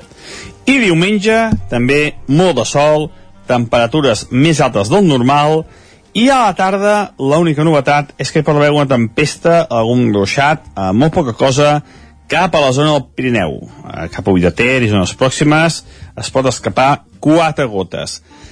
Es pot escapar, eh? si és que arriben a caure, seran quatre gotes, eh, molt poca cosa.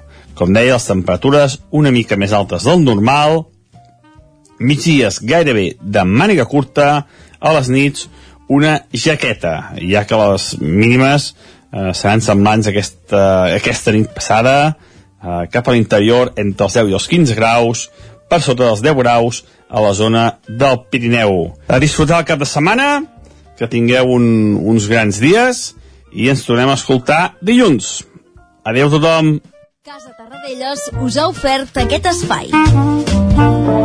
Territori 17, el 9 FM, la veu de Sant Joan, Ona Codinenca, Ràdio Cardedeu, Territori 17. Doncs vinga, repassada la previsió meteorològica, anem cap als esports, moment de repassar l'agenda esportiva pel cap de setmana dels equips i esportistes de casa nostra, de les nostres comarques. Ja ho sabeu que això és una agenda que fem coral, recorrent les diferents emissores del territori 17, i comencem aquest recorregut als estudis de Ràdio i Televisió Cardeu. Allà hi tenim en Pol, Pol Grau. Benvingut, Pol, bon dia. Bon dia. Com Bé, tenim? doncs comencem el repàs. Endavant. Dic endavant, sí, sí. Comencem amb el, a, segona, a segona catalana amb el primer equip del Cardedeu, que juga diumenge a un quart de una contra l'Argentona. Partit important, ja que juguen primer contra segon, tot i que el, el Cardedeu ho, ho, ho ha guanyat tot des que ha començat la Lliga. En canvi, l'Argentona ha empatat un partit, l'únic que té un partit més, així que si guanyen es col·locaran primers amb un partit menys. I passem al filial, que juga dissabte a les 4 contra el Santa Eulàlia al seu camp, i seguim a tercera catalana també amb el Llinàs que juga també a fora. També dissabte a dos quarts de sis contra el Palau Tordera. I a primera catalana el Granollers juga contra el, el Banyoles a les, diu, diumenge a les 12 del matí. I acabem amb la Lliga EVA amb el Granollers que juga dissabte a la eh, 5.45 de la tarda contra el CSA. Perfecte, doncs gràcies Pol. Eh, parlem després a l'agenda. Fins ara. Adéu. Continuem aquest recorregut de Ràdio Cardedeu anem cap a Ona Codinenca amb la Caral Campàs. Caral, com tenim l'agenda pels equips de, del vostre entorn Doncs començo per l'hoquei. Aquí uh, tenim el Sant Feliu de Codines que enceta mm, la competició a l'hoquei Lliga Plata Sur aquí a segona divisió i ho farà aquest dissabte disputant contra l'Alcobendes. Uh, ho faran a casa a dos quarts de sis de la tarda, eh? el Sant Feliu que comença aquesta competició. I deixo davant de l'hoquei i m'endinso cap al futbol el primer equip del Caldes, que està al grup 1 de primera catalana, jugarà a casa contra el Figueres diumenge a les 12. El Caldes és setè amb 4 punts, mentre que el Figueres és segon. I el grup 5 de segona catalana, com sempre, tenim tres partits. El Mollà es desplaçarà a la pista de l'Olímpic La Garriga per disputar demà a les 4 de la tarda. Dos rivals directes empatats a punts en segona i tercera posició. Val a dir que el Mollà ha començat molt fort la temporada. El Sant Feliu de Codines es desplaçarà a la pista del Sant Quirze de Besora per disputar demà a les 4 de la tarda. Els codinencs són quarts, mentre que el Sant Quirze és eh, primer i finalment el Vigas jugarà a la pista del Taradell diumenge a les 4 de la tarda el Vigas és últim amb 0 punts, mentre que el Taradell és 11 amb 4 i encara a, a tercera catalana però el grup 7, el Caldés, eh, que és vuitè, es desplaçarà a la pista del Castellnou Unió Esportiva, al CUE, per disputar dissabte a les 5 de la tarda. I acabo amb un apunt, i és que el primer equip del Caldes de Montbui, que com ara us he comentat disputa primera i jugarà a casa contra el Figueres, han fitxat el davanter de 30 anys Sergi Estrada procedent del Vic. Caram, molt bé. Doncs moltíssimes gràcies per aquest repàs ràpid. Caral, continuem el recorregut. Gràcies. Anem fins a la veu de Sant Joan. Isaac Montades, benvingut, bon dia. Bon dia, bon dia. Doncs, eh, si us sembla, comencem aquest cap de setmana parlant de futbol, al grup 18 de la tercera catalana, perquè la Badesenc té un partit força assequible dissabte a les 4 de la tarda a casa contra el Sant Privat d'en Bas. Els Sant Joanins ara són tercers a la classificació amb 11 punts i continuen invictes, mentre que el seu rival és 15 amb només 4 punts. El Camp de Bànol, per la seva banda, jugarà a les 6 de la tarda, també dissabte al Camp de la Mera, en un partit que despertarà rivalitats passades contra un equip que acaba de baixar de categoria. Els de la Selva són cinquens amb 8 punts i porten 4 partits sense perdre, mentre que el Candanol està invicte amb 11 punts i és segon a la classificació. I el Camprodon jugarà a domicili a les 5 de la tarda al camp del Santa Pau, Uh, no són un rival fàcil els garrotxins però, però tot i així bueno, tenen 4 punts i han sumat una única victòria però no han començat de la millor manera mentre que el Camprodon és 11 amb 6 punts i no, no acaba d'arrencar. A la Lliga de Nacional Catalana d'Hockey es reprèn la competició després d'una aturada amb el partit de l'Hockey Club Ripoll a la pista del Picat B dissabte a les 4 de la tarda amb els ripollesos 6 anys a la classificació i 3 punts i el seu rival és Cué i encara no ha sumat cap punt per tant és un rival assequible per puntuar. En futbol sala l'escola de futbol eh, Ripoll Servicat de la primera nacional visitarà la pista de l'Albelda aquest dissabte a les 6 de la tarda amb els ripollesos novens amb 3 punts i l'Albelda és 6 amb 4 per tant un rival molt complicat però que ara mateix és, és rival directe per l'inici de la Lliga, però és important guanyar per sortir de la zona baixa i no patir eh, tant com l'any passat. I per acabar, dir-vos que aquest dissabte hi haurà una exhibició de trial de Ripoll de 4 a les 7 de la tarda a les instal·lacions del Centre de Tecnificació Esportiva de la Vallaneda, que comptarà amb la participació de nivell de Copa del Món dins de la segona setmana catalana de l'esport i es podrà gaudir d'un espectacle de, de 12 pilots, amb pilots com la vigent campiona del món Vera Barón, el tres vegades campió mundial Vicent Hermans, el campió del món júnior del 2016 Eloi Palau o el del 2021 Martí Riera, entre molts altres pilots. Molt bé, Isaac, doncs moltíssimes gràcies. Dilluns explicarem com ha anat totes aquestes proves i partits. Eh, ens retrobem després a l'agenda. Ara el que fem és saludar, afegir a, a l'agenda a l'agenda esportiva en Guillem Sánchez perquè ens expliqui quins són els compromisos dels equips usonencs. Doncs va, comencem, Isaac. Bon dia amb Bon el dia. partit que jugarà el Tona aquest cap de setmana. Serà diumenge a tres quarts de 12, en aquest cas el grup 5 de la tercera federació. Els de Ricard Ferrés rebran a casa el Vilafranca, que ara mateix és el cué d'aquesta divisió i per tant doncs, els homes de Ricard Ferrés buscaran trencar la ratxa de dues derrotes consecutives i de tres empats, per tant no guanyen de fet des de la primera jornada i això una victòria es posaria molt bé per tal de tornar a agafar una bona dinàmica. En futbol també tindrem partit a casa del Torelló a la primera catalana en el grup 1 serà dissabte a les 5 contra el Palamós mentre que els altres dos conjunts de la comarca d'Osona com el Manlleu i el Vic s'hauran de desplaçar fora. En el cas del Manlleu serà dissabte a dos quarts de 5 al camp del Bosc de Tosca per tant cap a terres garrotxines i el Vic jugarà diumenge al migdia al camp del Mollet.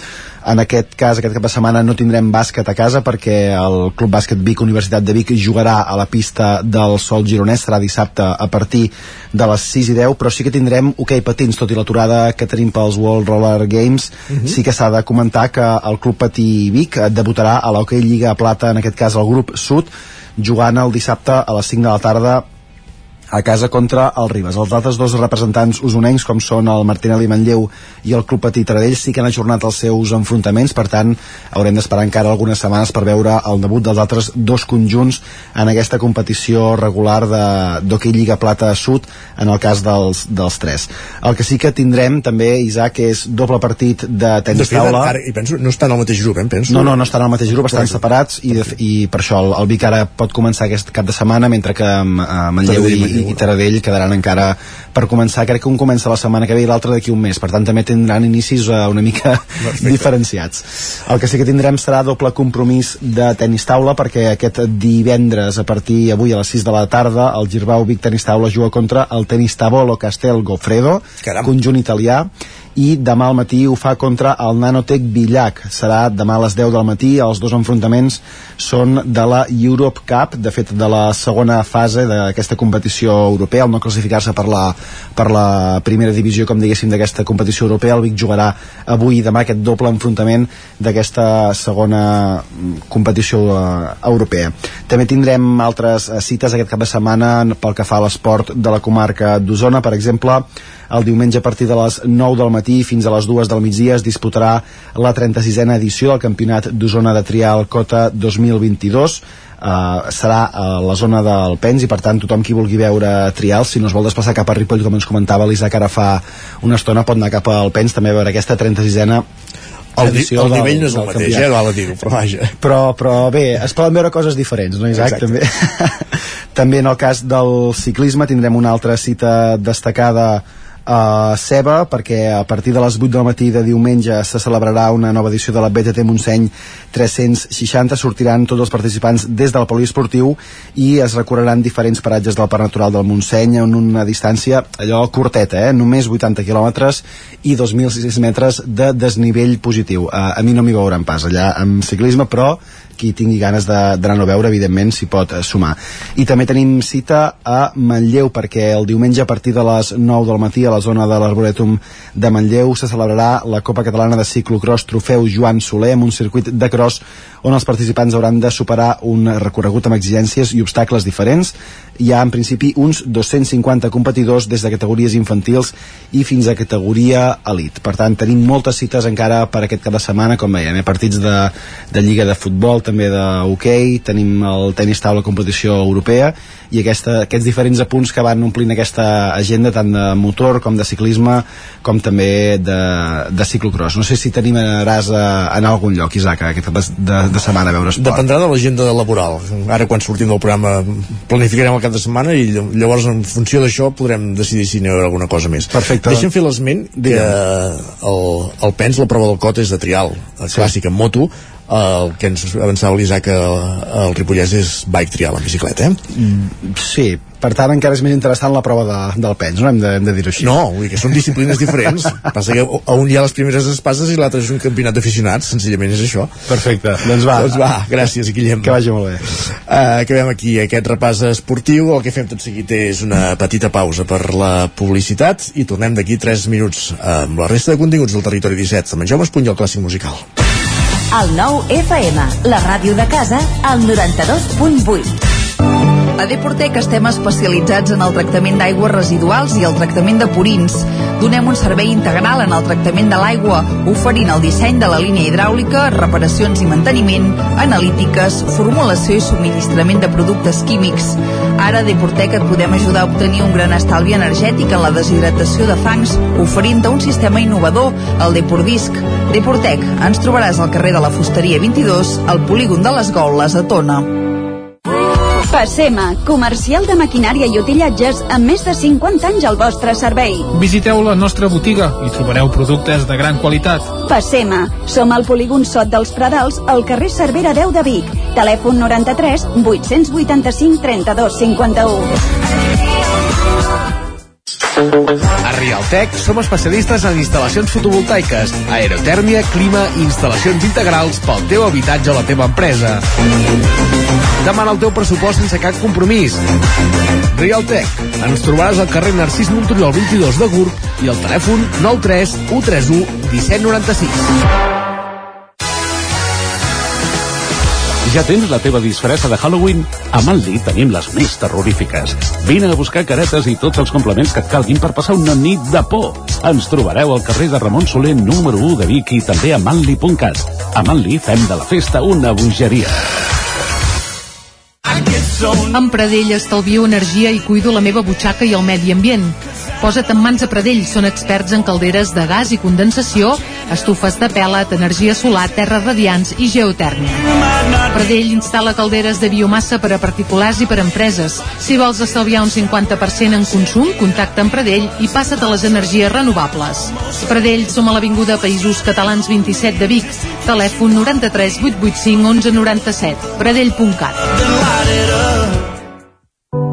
Cobertes serveis funeraris. Els nostres tanatoris estan ubicats en els nuclis urbans més poblats de la comarca d'Osona per oferir un millor servei. Tanatori de Vic, Tanatori de Manlleu, Tanatori de Centelles i Tanatori de Roda de Ter. Sabem que són moments difícils i per això el nostre compromís és atendre-us en tot moment amb un tracte humà, sensible i respectuós. Cobertes serveis funeraris. Telèfon 24 hores 93 883 23 46.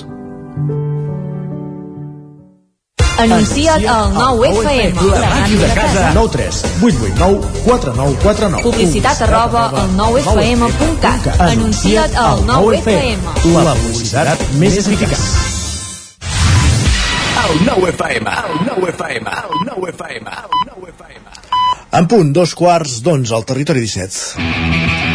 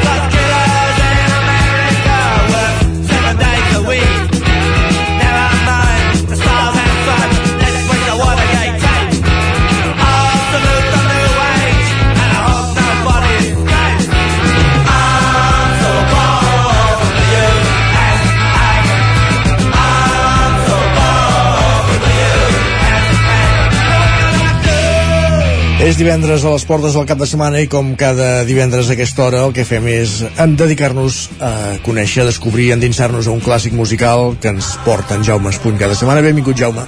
Hola, bon, bon dia. Vens molt guitarrero avui, eh? Uh, sí, eh, portàvem unes quantes setmanes en country, acústic, etc. Veus. I avui una mica, una mica, ja ho vaig dir-ho, una mica de, de marxa i d'acció guitarrera.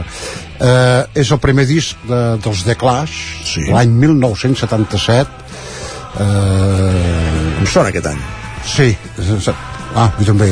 Ah, què va passar? Alguna cosa devia passar. Uh, doncs, sí, sí. Uh, és en ple auge del punk i per això hi ha 15, un disc amb 15 cançons que dura no gaire més de mitja hora dos minuts i, i anem per l'altre, no? Sí, exacte. Eh, Una mica la línia del que vam parlar fa poques setmanes dels Sex Pistols, també. Ah, exacte, sí.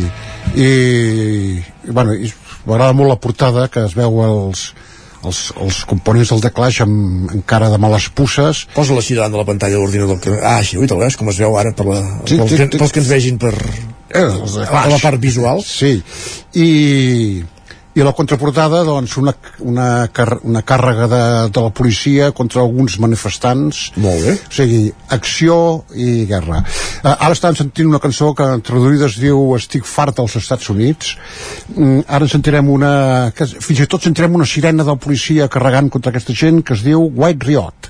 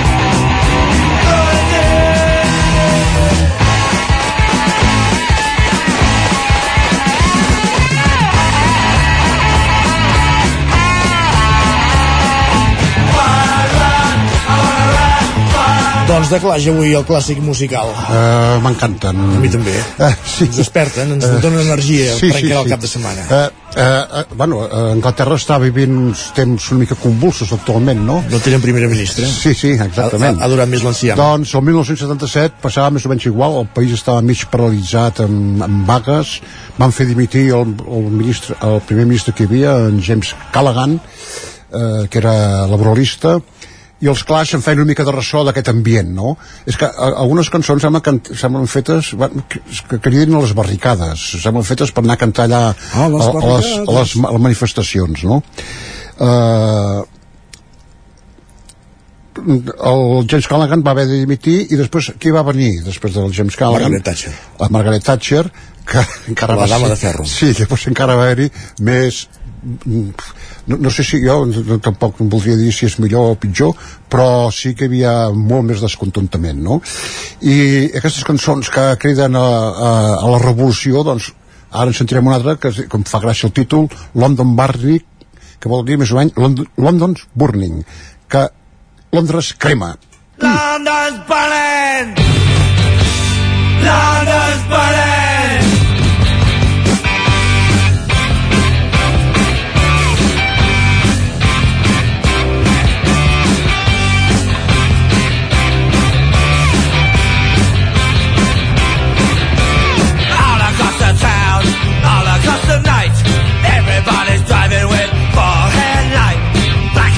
Turn it on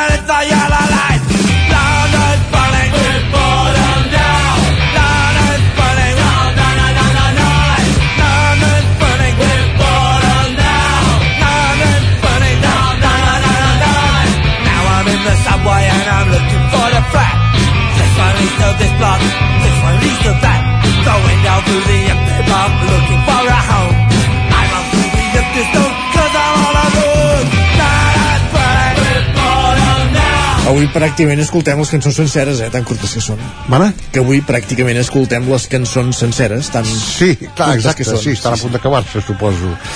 Uh, dos anys després de- d'aquest debut, perquè això és el debut dels, dels Clash, una, un debut fort, uh, van, van fer un dels millors discos de la història per mi, que és London Calling, que era una mica el mateix, però molt més elaborat uh, musicalment, no? um, totes les cançons, de les 15 cançons, estan compostes pels dos líders, mm, que són els cantants i guitarristes, a més a més, Joe Stromer i Mick John. Mick Jones, però l'Stromer és el que ha quedat una mica com la gran figura dels Clash eh, es van separar el 1986 eh, 9 anys van durar no és gaire. Eh, i el, el Joe Stromer va morir el 2002 d'un atac de cor i era, era famós sempre és un senyor que m'ha caigut molt bé hi ha documentals sobre la seva vida. Era famós perquè eh, al acabar un concert dels The Clash o després quan ell cantava en solitari amb altres grups doncs famós perquè eh, quan sortia del concert hi havia allà els, els seguidors que l'esperaven doncs es posava a xerrar amb ell amb ells i alguna vegada havia estat fins al matí vull dir, xerrant amb ells bé. un senyor era molt amable es veu tot i que la cara eh, d'aquí el disc doncs és de, de males pusses no? males pusses ara sentim altra cançó I Fuck the Law que vol dir més o menys lluito contra la llei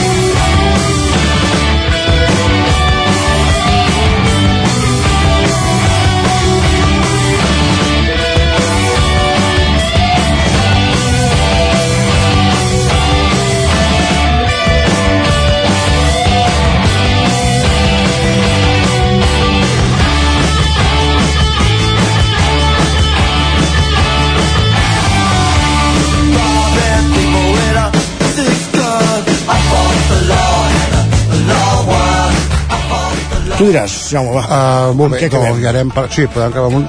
Uh, no m'he recordat de dir que el Joy Stromer va viure un quant temps, uh, uns quants anys a Granada, sí. a un poble de per allà Granada, i l'Ajuntament, mm, estic a favor d'aquest Ajuntament de Granada, uh, va posar un nom a, la, a una plaça de Granada. O sigui, ah, molt bé. tu vas allà a Granada i allà plaça Joe Stromer. Caram. Em fa molta gràcia.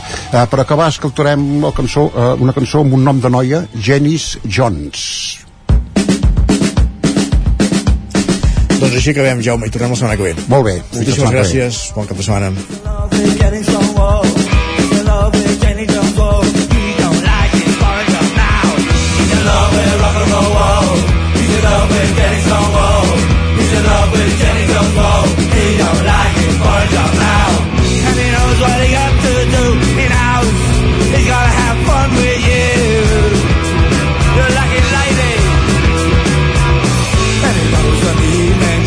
His job is done, he'll be over in his shop for years. He's in love with rock and roll. Whoa. He's in love with Kenny Stonewall. He's in love with Jenny Jones. Oh, he don't like it for a job now. In the inside, lots of work, but the boss at the firm always thinks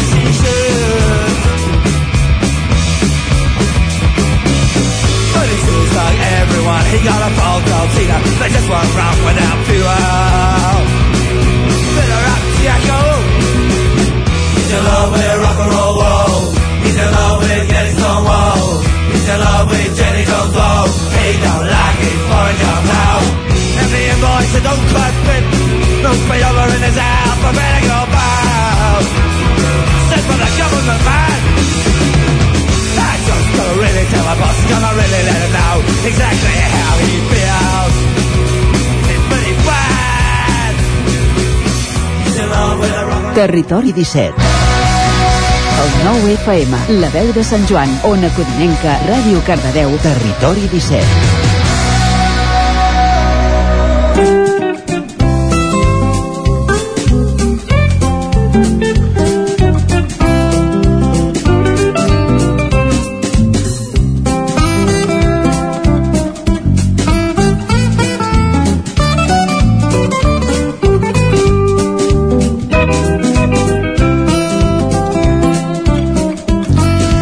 Comencem, anem cap a l'agenda per conèixer els actes més destacats d'aquest proper cap de setmana a les nostres comarques. Una agenda que comencem als estudis de Ràdio i Televisió Cardedeu. Pol Grau, benvingut, bon dia.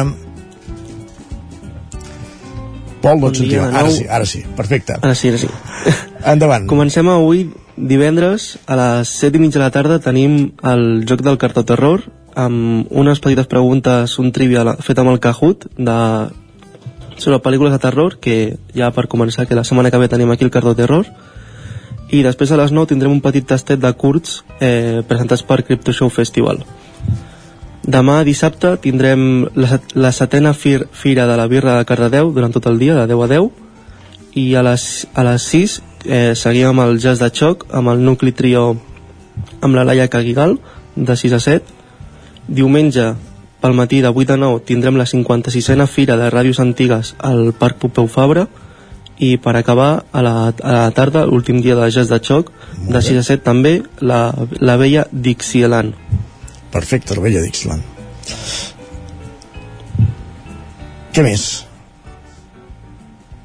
Ja està. Ja ho tenim? Perfecte. Doncs moltíssimes Sí, ja gràcies, tenim Pol. I bon cap de setmana. Un cop de setmana.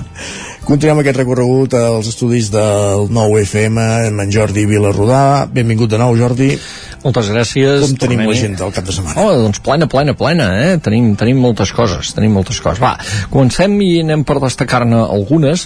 Eh, a Vic eh, aquest cap de setmana es clausura el Festival Protesta, que és aquest festival de cinema amb compromís social, festival de cinema compro- mm, conscient, diguem, eh, que toca temes doncs, de socials, ecològics, etc etc. I aquest festival s'està fent durant una setmana eh, en aquesta desena edició i es tanca aquest dissabte. Avui divendres encara hi ha les últimes projeccions i aquest dissabte hi haurà a les 7 de la tarda al Centre Cívic Joan Triadú, l'antiga biblioteca, una festa de colenda amb l'entrega dels premis i amb actuacions eh, de diferents tipus, des de cantautors com el Joan Colomó o la Royce, fins a la poesia de l'Adriana Bertran, els monòlegs en Godai Garcia i al final l'actuació de Ludwig van, que és el fenomen musical de l'estiu per tancar eh, aquest festival, aquesta edició i a més a més doncs, a celebrar aquests 10 anys. Eh, tenim també teatre. Tenim una proposta interessant perquè ve d'una companyia mm, que s'ha creat recentment que de fet s'ha forjat Osona encara que no tots els sectors són osonencs que es diu La Metralla. Aquest aquesta obra de teatre. S'havia estrenat ja fa uns dies el, el Teatre Sirvianum de Torelló i ara circula per aquest grup que en diuen els teatres d'Osona. Per tant també hi ha l'auditori de Call d'Atenes on es farà dissabte a les 9 del vespre i l'Atlàntida de Vic on es farà la setmana que ve el dijous. Eh, l'obra es diu Fem l'última copa. És un mix de tres petites obres que va escriure el Premi Nobel Harold Pinter i totes tenen un tema en comú que és eh, la violència el terrorisme d'estat. Fins a quin punt segons quines coses estan justificades com per exemple la tortura psicològica o física per, eh, representa que aconseguir una, un, una finalitat superior un bé superior i, i eh, aquesta, aquesta obra està interpretada per, per tres actors que són eh, l'Abel Reyes, la Raquel Garabal i en Gerard Pla i és una obra eh, crua, això ho advertim. O sigui, eh, es fa amb un escenari petit amb 60 persones només amb molta proximitat d'actors i públic i planteja les coses d'una manera molt dura. Eh, i, i per interpel·lar l'espectador també des d'aquesta proximitat. Eh, per aquest dissabte segurament ja no hi ha entrades, però sí que per dijous doncs, hi ha dues sessions a l'Atlàntic, o sigui encara hi ha l'oportunitat de veure-la i després la intenció d'aquesta obra que ha mm, dirigit el Leo Vicente és eh, que, que giri. Mm, és una obra que ens fa preguntes, eh, interpel·la el nostre moral, la nostra pròpia moral, ens posa davant de dilemes, que és una part de les funcions que ara tenia el teatre. Eh, com van explicar l'altre dia aquí al Nou Televisió, volen eh, posar la violència en escena. La violència, en aquest cas, que, que està en els soterranis de les pròpies democràcies occidentals. Eh, més teatre amb component social, perquè això serà el dissabte a l'Espai Rossinyol de Manlleu, que hi ha la representació d'Ivan i els gossos. Eh, Ivan i els gossos és una obra d'una dramaturga britànica, de fet va, ser un, va néixer com un, com un drama per ser llegit a la ràdio. Eh, la Hattie, Hattie Naylor és l'autora. I se situa a la Rússia del Yeltsin, dels anys 90, eh, retrata doncs, un personatge que és un nen que de cop i volta es veu abocat als carrers, abocat a la misèria en aquell moment en què eh, ha desaparegut l'estat soviètic i, i, i molta part de la població de Rússia cau en un més absolut desemparament. I, i aquest, eh, aquest personatge l'interpreta un jove actor que és un dels grans valors de l'escena catalana que hem d'estar al cas que és en Pau Rossell dirigit per en Xavier Boada per un veterà en aquest cas de l'escena manlleuenca aquesta obra es podrà veure el dissabte a les 9 del vespre a l'Espai Rossinyol. Fem referència també al mm, primer, del, primer dels concerts del cicle Grans Concerts de l'Atlàntida, que ja sabem que són aquests concerts de música clàssica amb formacions potents, importants. En aquest cas és una formació que es diu Cantus Köln, és de Colònia, d'Alemanya. Eh, és una de les formacions que va canviar la manera d'interpretar la música barroca, eh, sobretot això va passar doncs, a finals dels 70, primers dels 80, 80 aquesta formació va néixer de fet l'any eh, 1989 si no recordo malament i ara està fent el, la gira de comiat. Eh, una gira de comiat que a Catalunya només té un concert que és el que es fa a Vic amb motets de Bach, amb peces de Bach amb un conjunt de veus és un conjunt vocal de quatre veus a més a més dels músics eh, d'una orquestra de cambra en total una vintena d'intèrprets i serà un concert únic en aquest sentit perquè no es podrà ni tornar a veure la formació ni de fet veure-la en cap altre lloc de Catalunya. Això és aquest divendres, o sigui avui a les 8 del vespre, a l'Atlàntida de Vic. I tenim altres coses, en resumiré de totes maneres sí, perquè potser no, no se'n poden dir moltes més, però sí que hauríem de fer referència a Amazoni, que com hem dit abans, que n'hem posat un tema, eh, presenta avui Ludwig, aquest eh, aquest disc que va fer a partir de peces de Beethoven això serà avui a dos quarts de nou del vespre al Teatre Eliseu de Roda dintre la programació dels teatrets d'Osona hi hauria més però aquí ho deixem Perfecte Jordi, doncs moltíssimes gràcies Continuem aquest recorregut per l'agenda del territori 17. Anem fins a una codinenca, ja ens hi espera un dia més la Caral Campàs. Caral, benvinguda de nou. Hola, bon dia. Um... Què tenim a l'agenda, va? No, tenim força cosa, eh? Uh, començo per Caldes de Montbui. Uh, aquest uh, diumenge hi ha una trobada de cotxes antics, no? concentració i exposició de vehicles antics i clàssics, la Retro Caldes, serà aquest diumenge a l'aparcament del supermercat Capravo a partir de les 9 del matí i fins del migdia. I a Caldes de Montbui també tenim música amb un concert d'Smack Dab, serà... Estem parlant també... de jazz, eh? Sí, Sí, és un, un grup de 3, 4, 5 músics que tocaran al Centre Ateneu Democràtic i Progressista a partir de les 7 de la tarda eh, amb un preu doncs, dels socis de 8 euros i dels no socis 10 euros.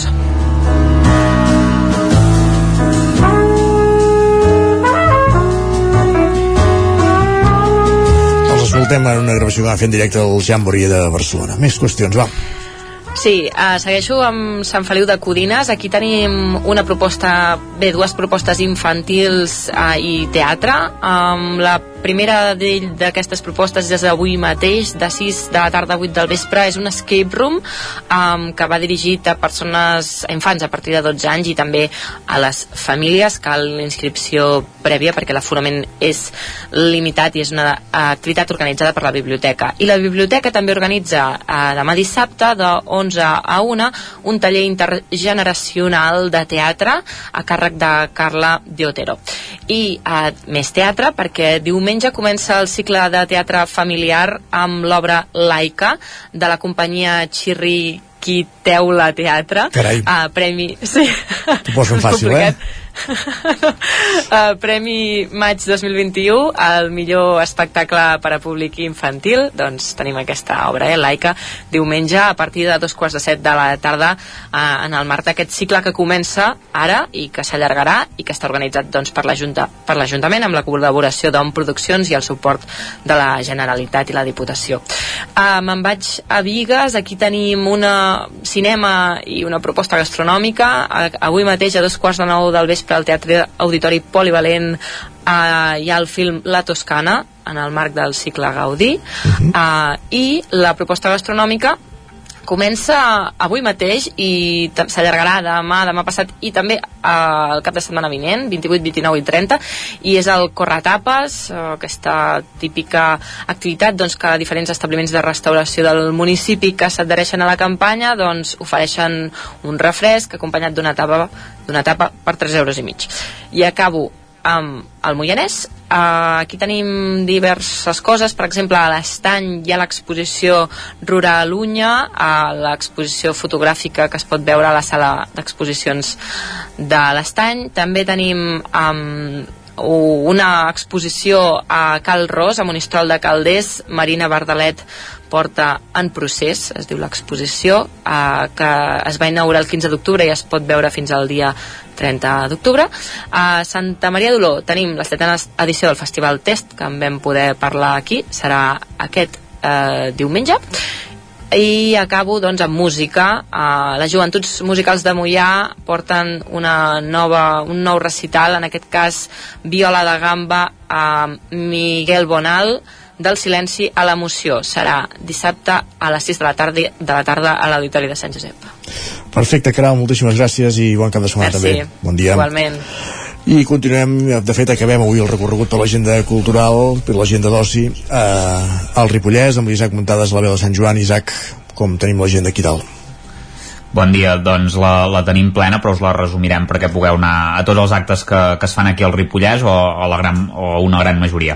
Per exemple, avui mateix al Museu Etnogràfic de Ripoll es projectarà el documental La veu de Taís, de David Casal, això és en el marc del Terra Gullut Film Festival, serà a les 7 de la tarda. Uh -huh. uh, després, uh, demà mateix, dissabte, al matí es farà la plec de Bolós, això és a Camprodon, amb una missa a les 12 del migdia també i un dinar popular, en què també hi haurà animació musical i s'escollirà la pubilla i l'hereu de Camprodon anem a Ripoll perquè hi haurà el Firadisc a la plaça de la Lira durant tot el dia per la compra, venda, canvi de vinil, CDs i, i DVDs uh, no ens, no ens movem gaire lluny perquè anem a, a aquest dissabte també Sant Joan de les Abadeses a les 6 de la tarda al Palau de l'Abadia uh, i hem començat dient un acte del Terra Gullut Film Festival doncs aquí n'hi ha un altre. Es projectarà el documental L'Hora dels Infants el Sant Joaní Eduard Miguel de Goita Visuals i que és un documental doncs, que analitza la revolució educativa a Catalunya en el primer terç del segle XX les colònies escolars i permanents i, i les escoles a, a ple aire entre d'altres coses que, que s'hi narren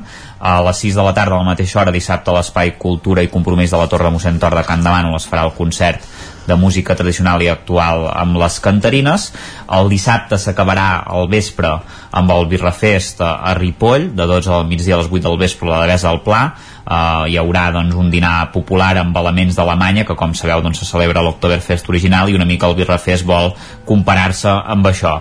I per acabar dues activitats. Aquest diumenge a Camprodon hi haurà una matinal a ritme de country a Camprodon a partir de les 11 del matí a la plaça de la Vila. I ja una mica més pausat tornant a Sant Joan diumenge a dos quarts d'una de la tarda doncs es farà el concert de piano de l'Ara Andrés que ja ha estat algun cop aquí a Sant Joan un concert titulat Les seves peces essencials que estan marcat doncs, dins del cicle de tardor del Set Teatre Centre i això serà al Palau de l'Abadia i té un preu de 15 euros.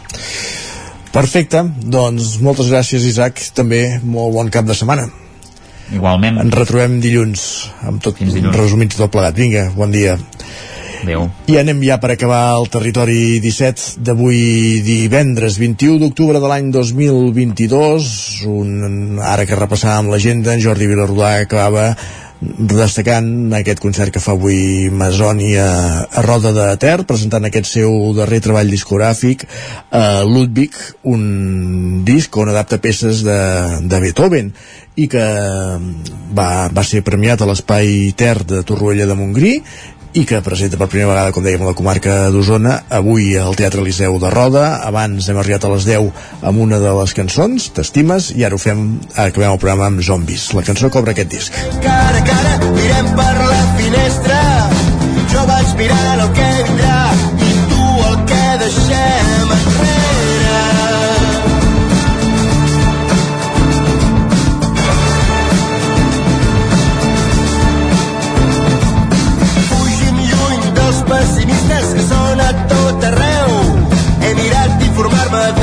passa, però és com tirar-se un tret al peu.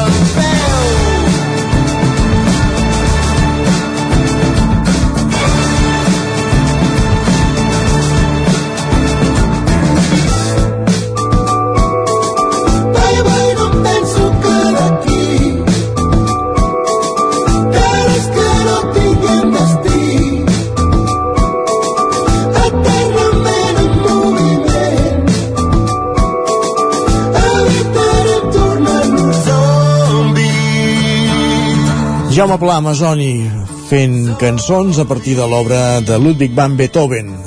És així com es titula aquest disc, Ludwig, i amb ell acabem el territori 17 d'avui, divendres 21 d'octubre de l'any 2022.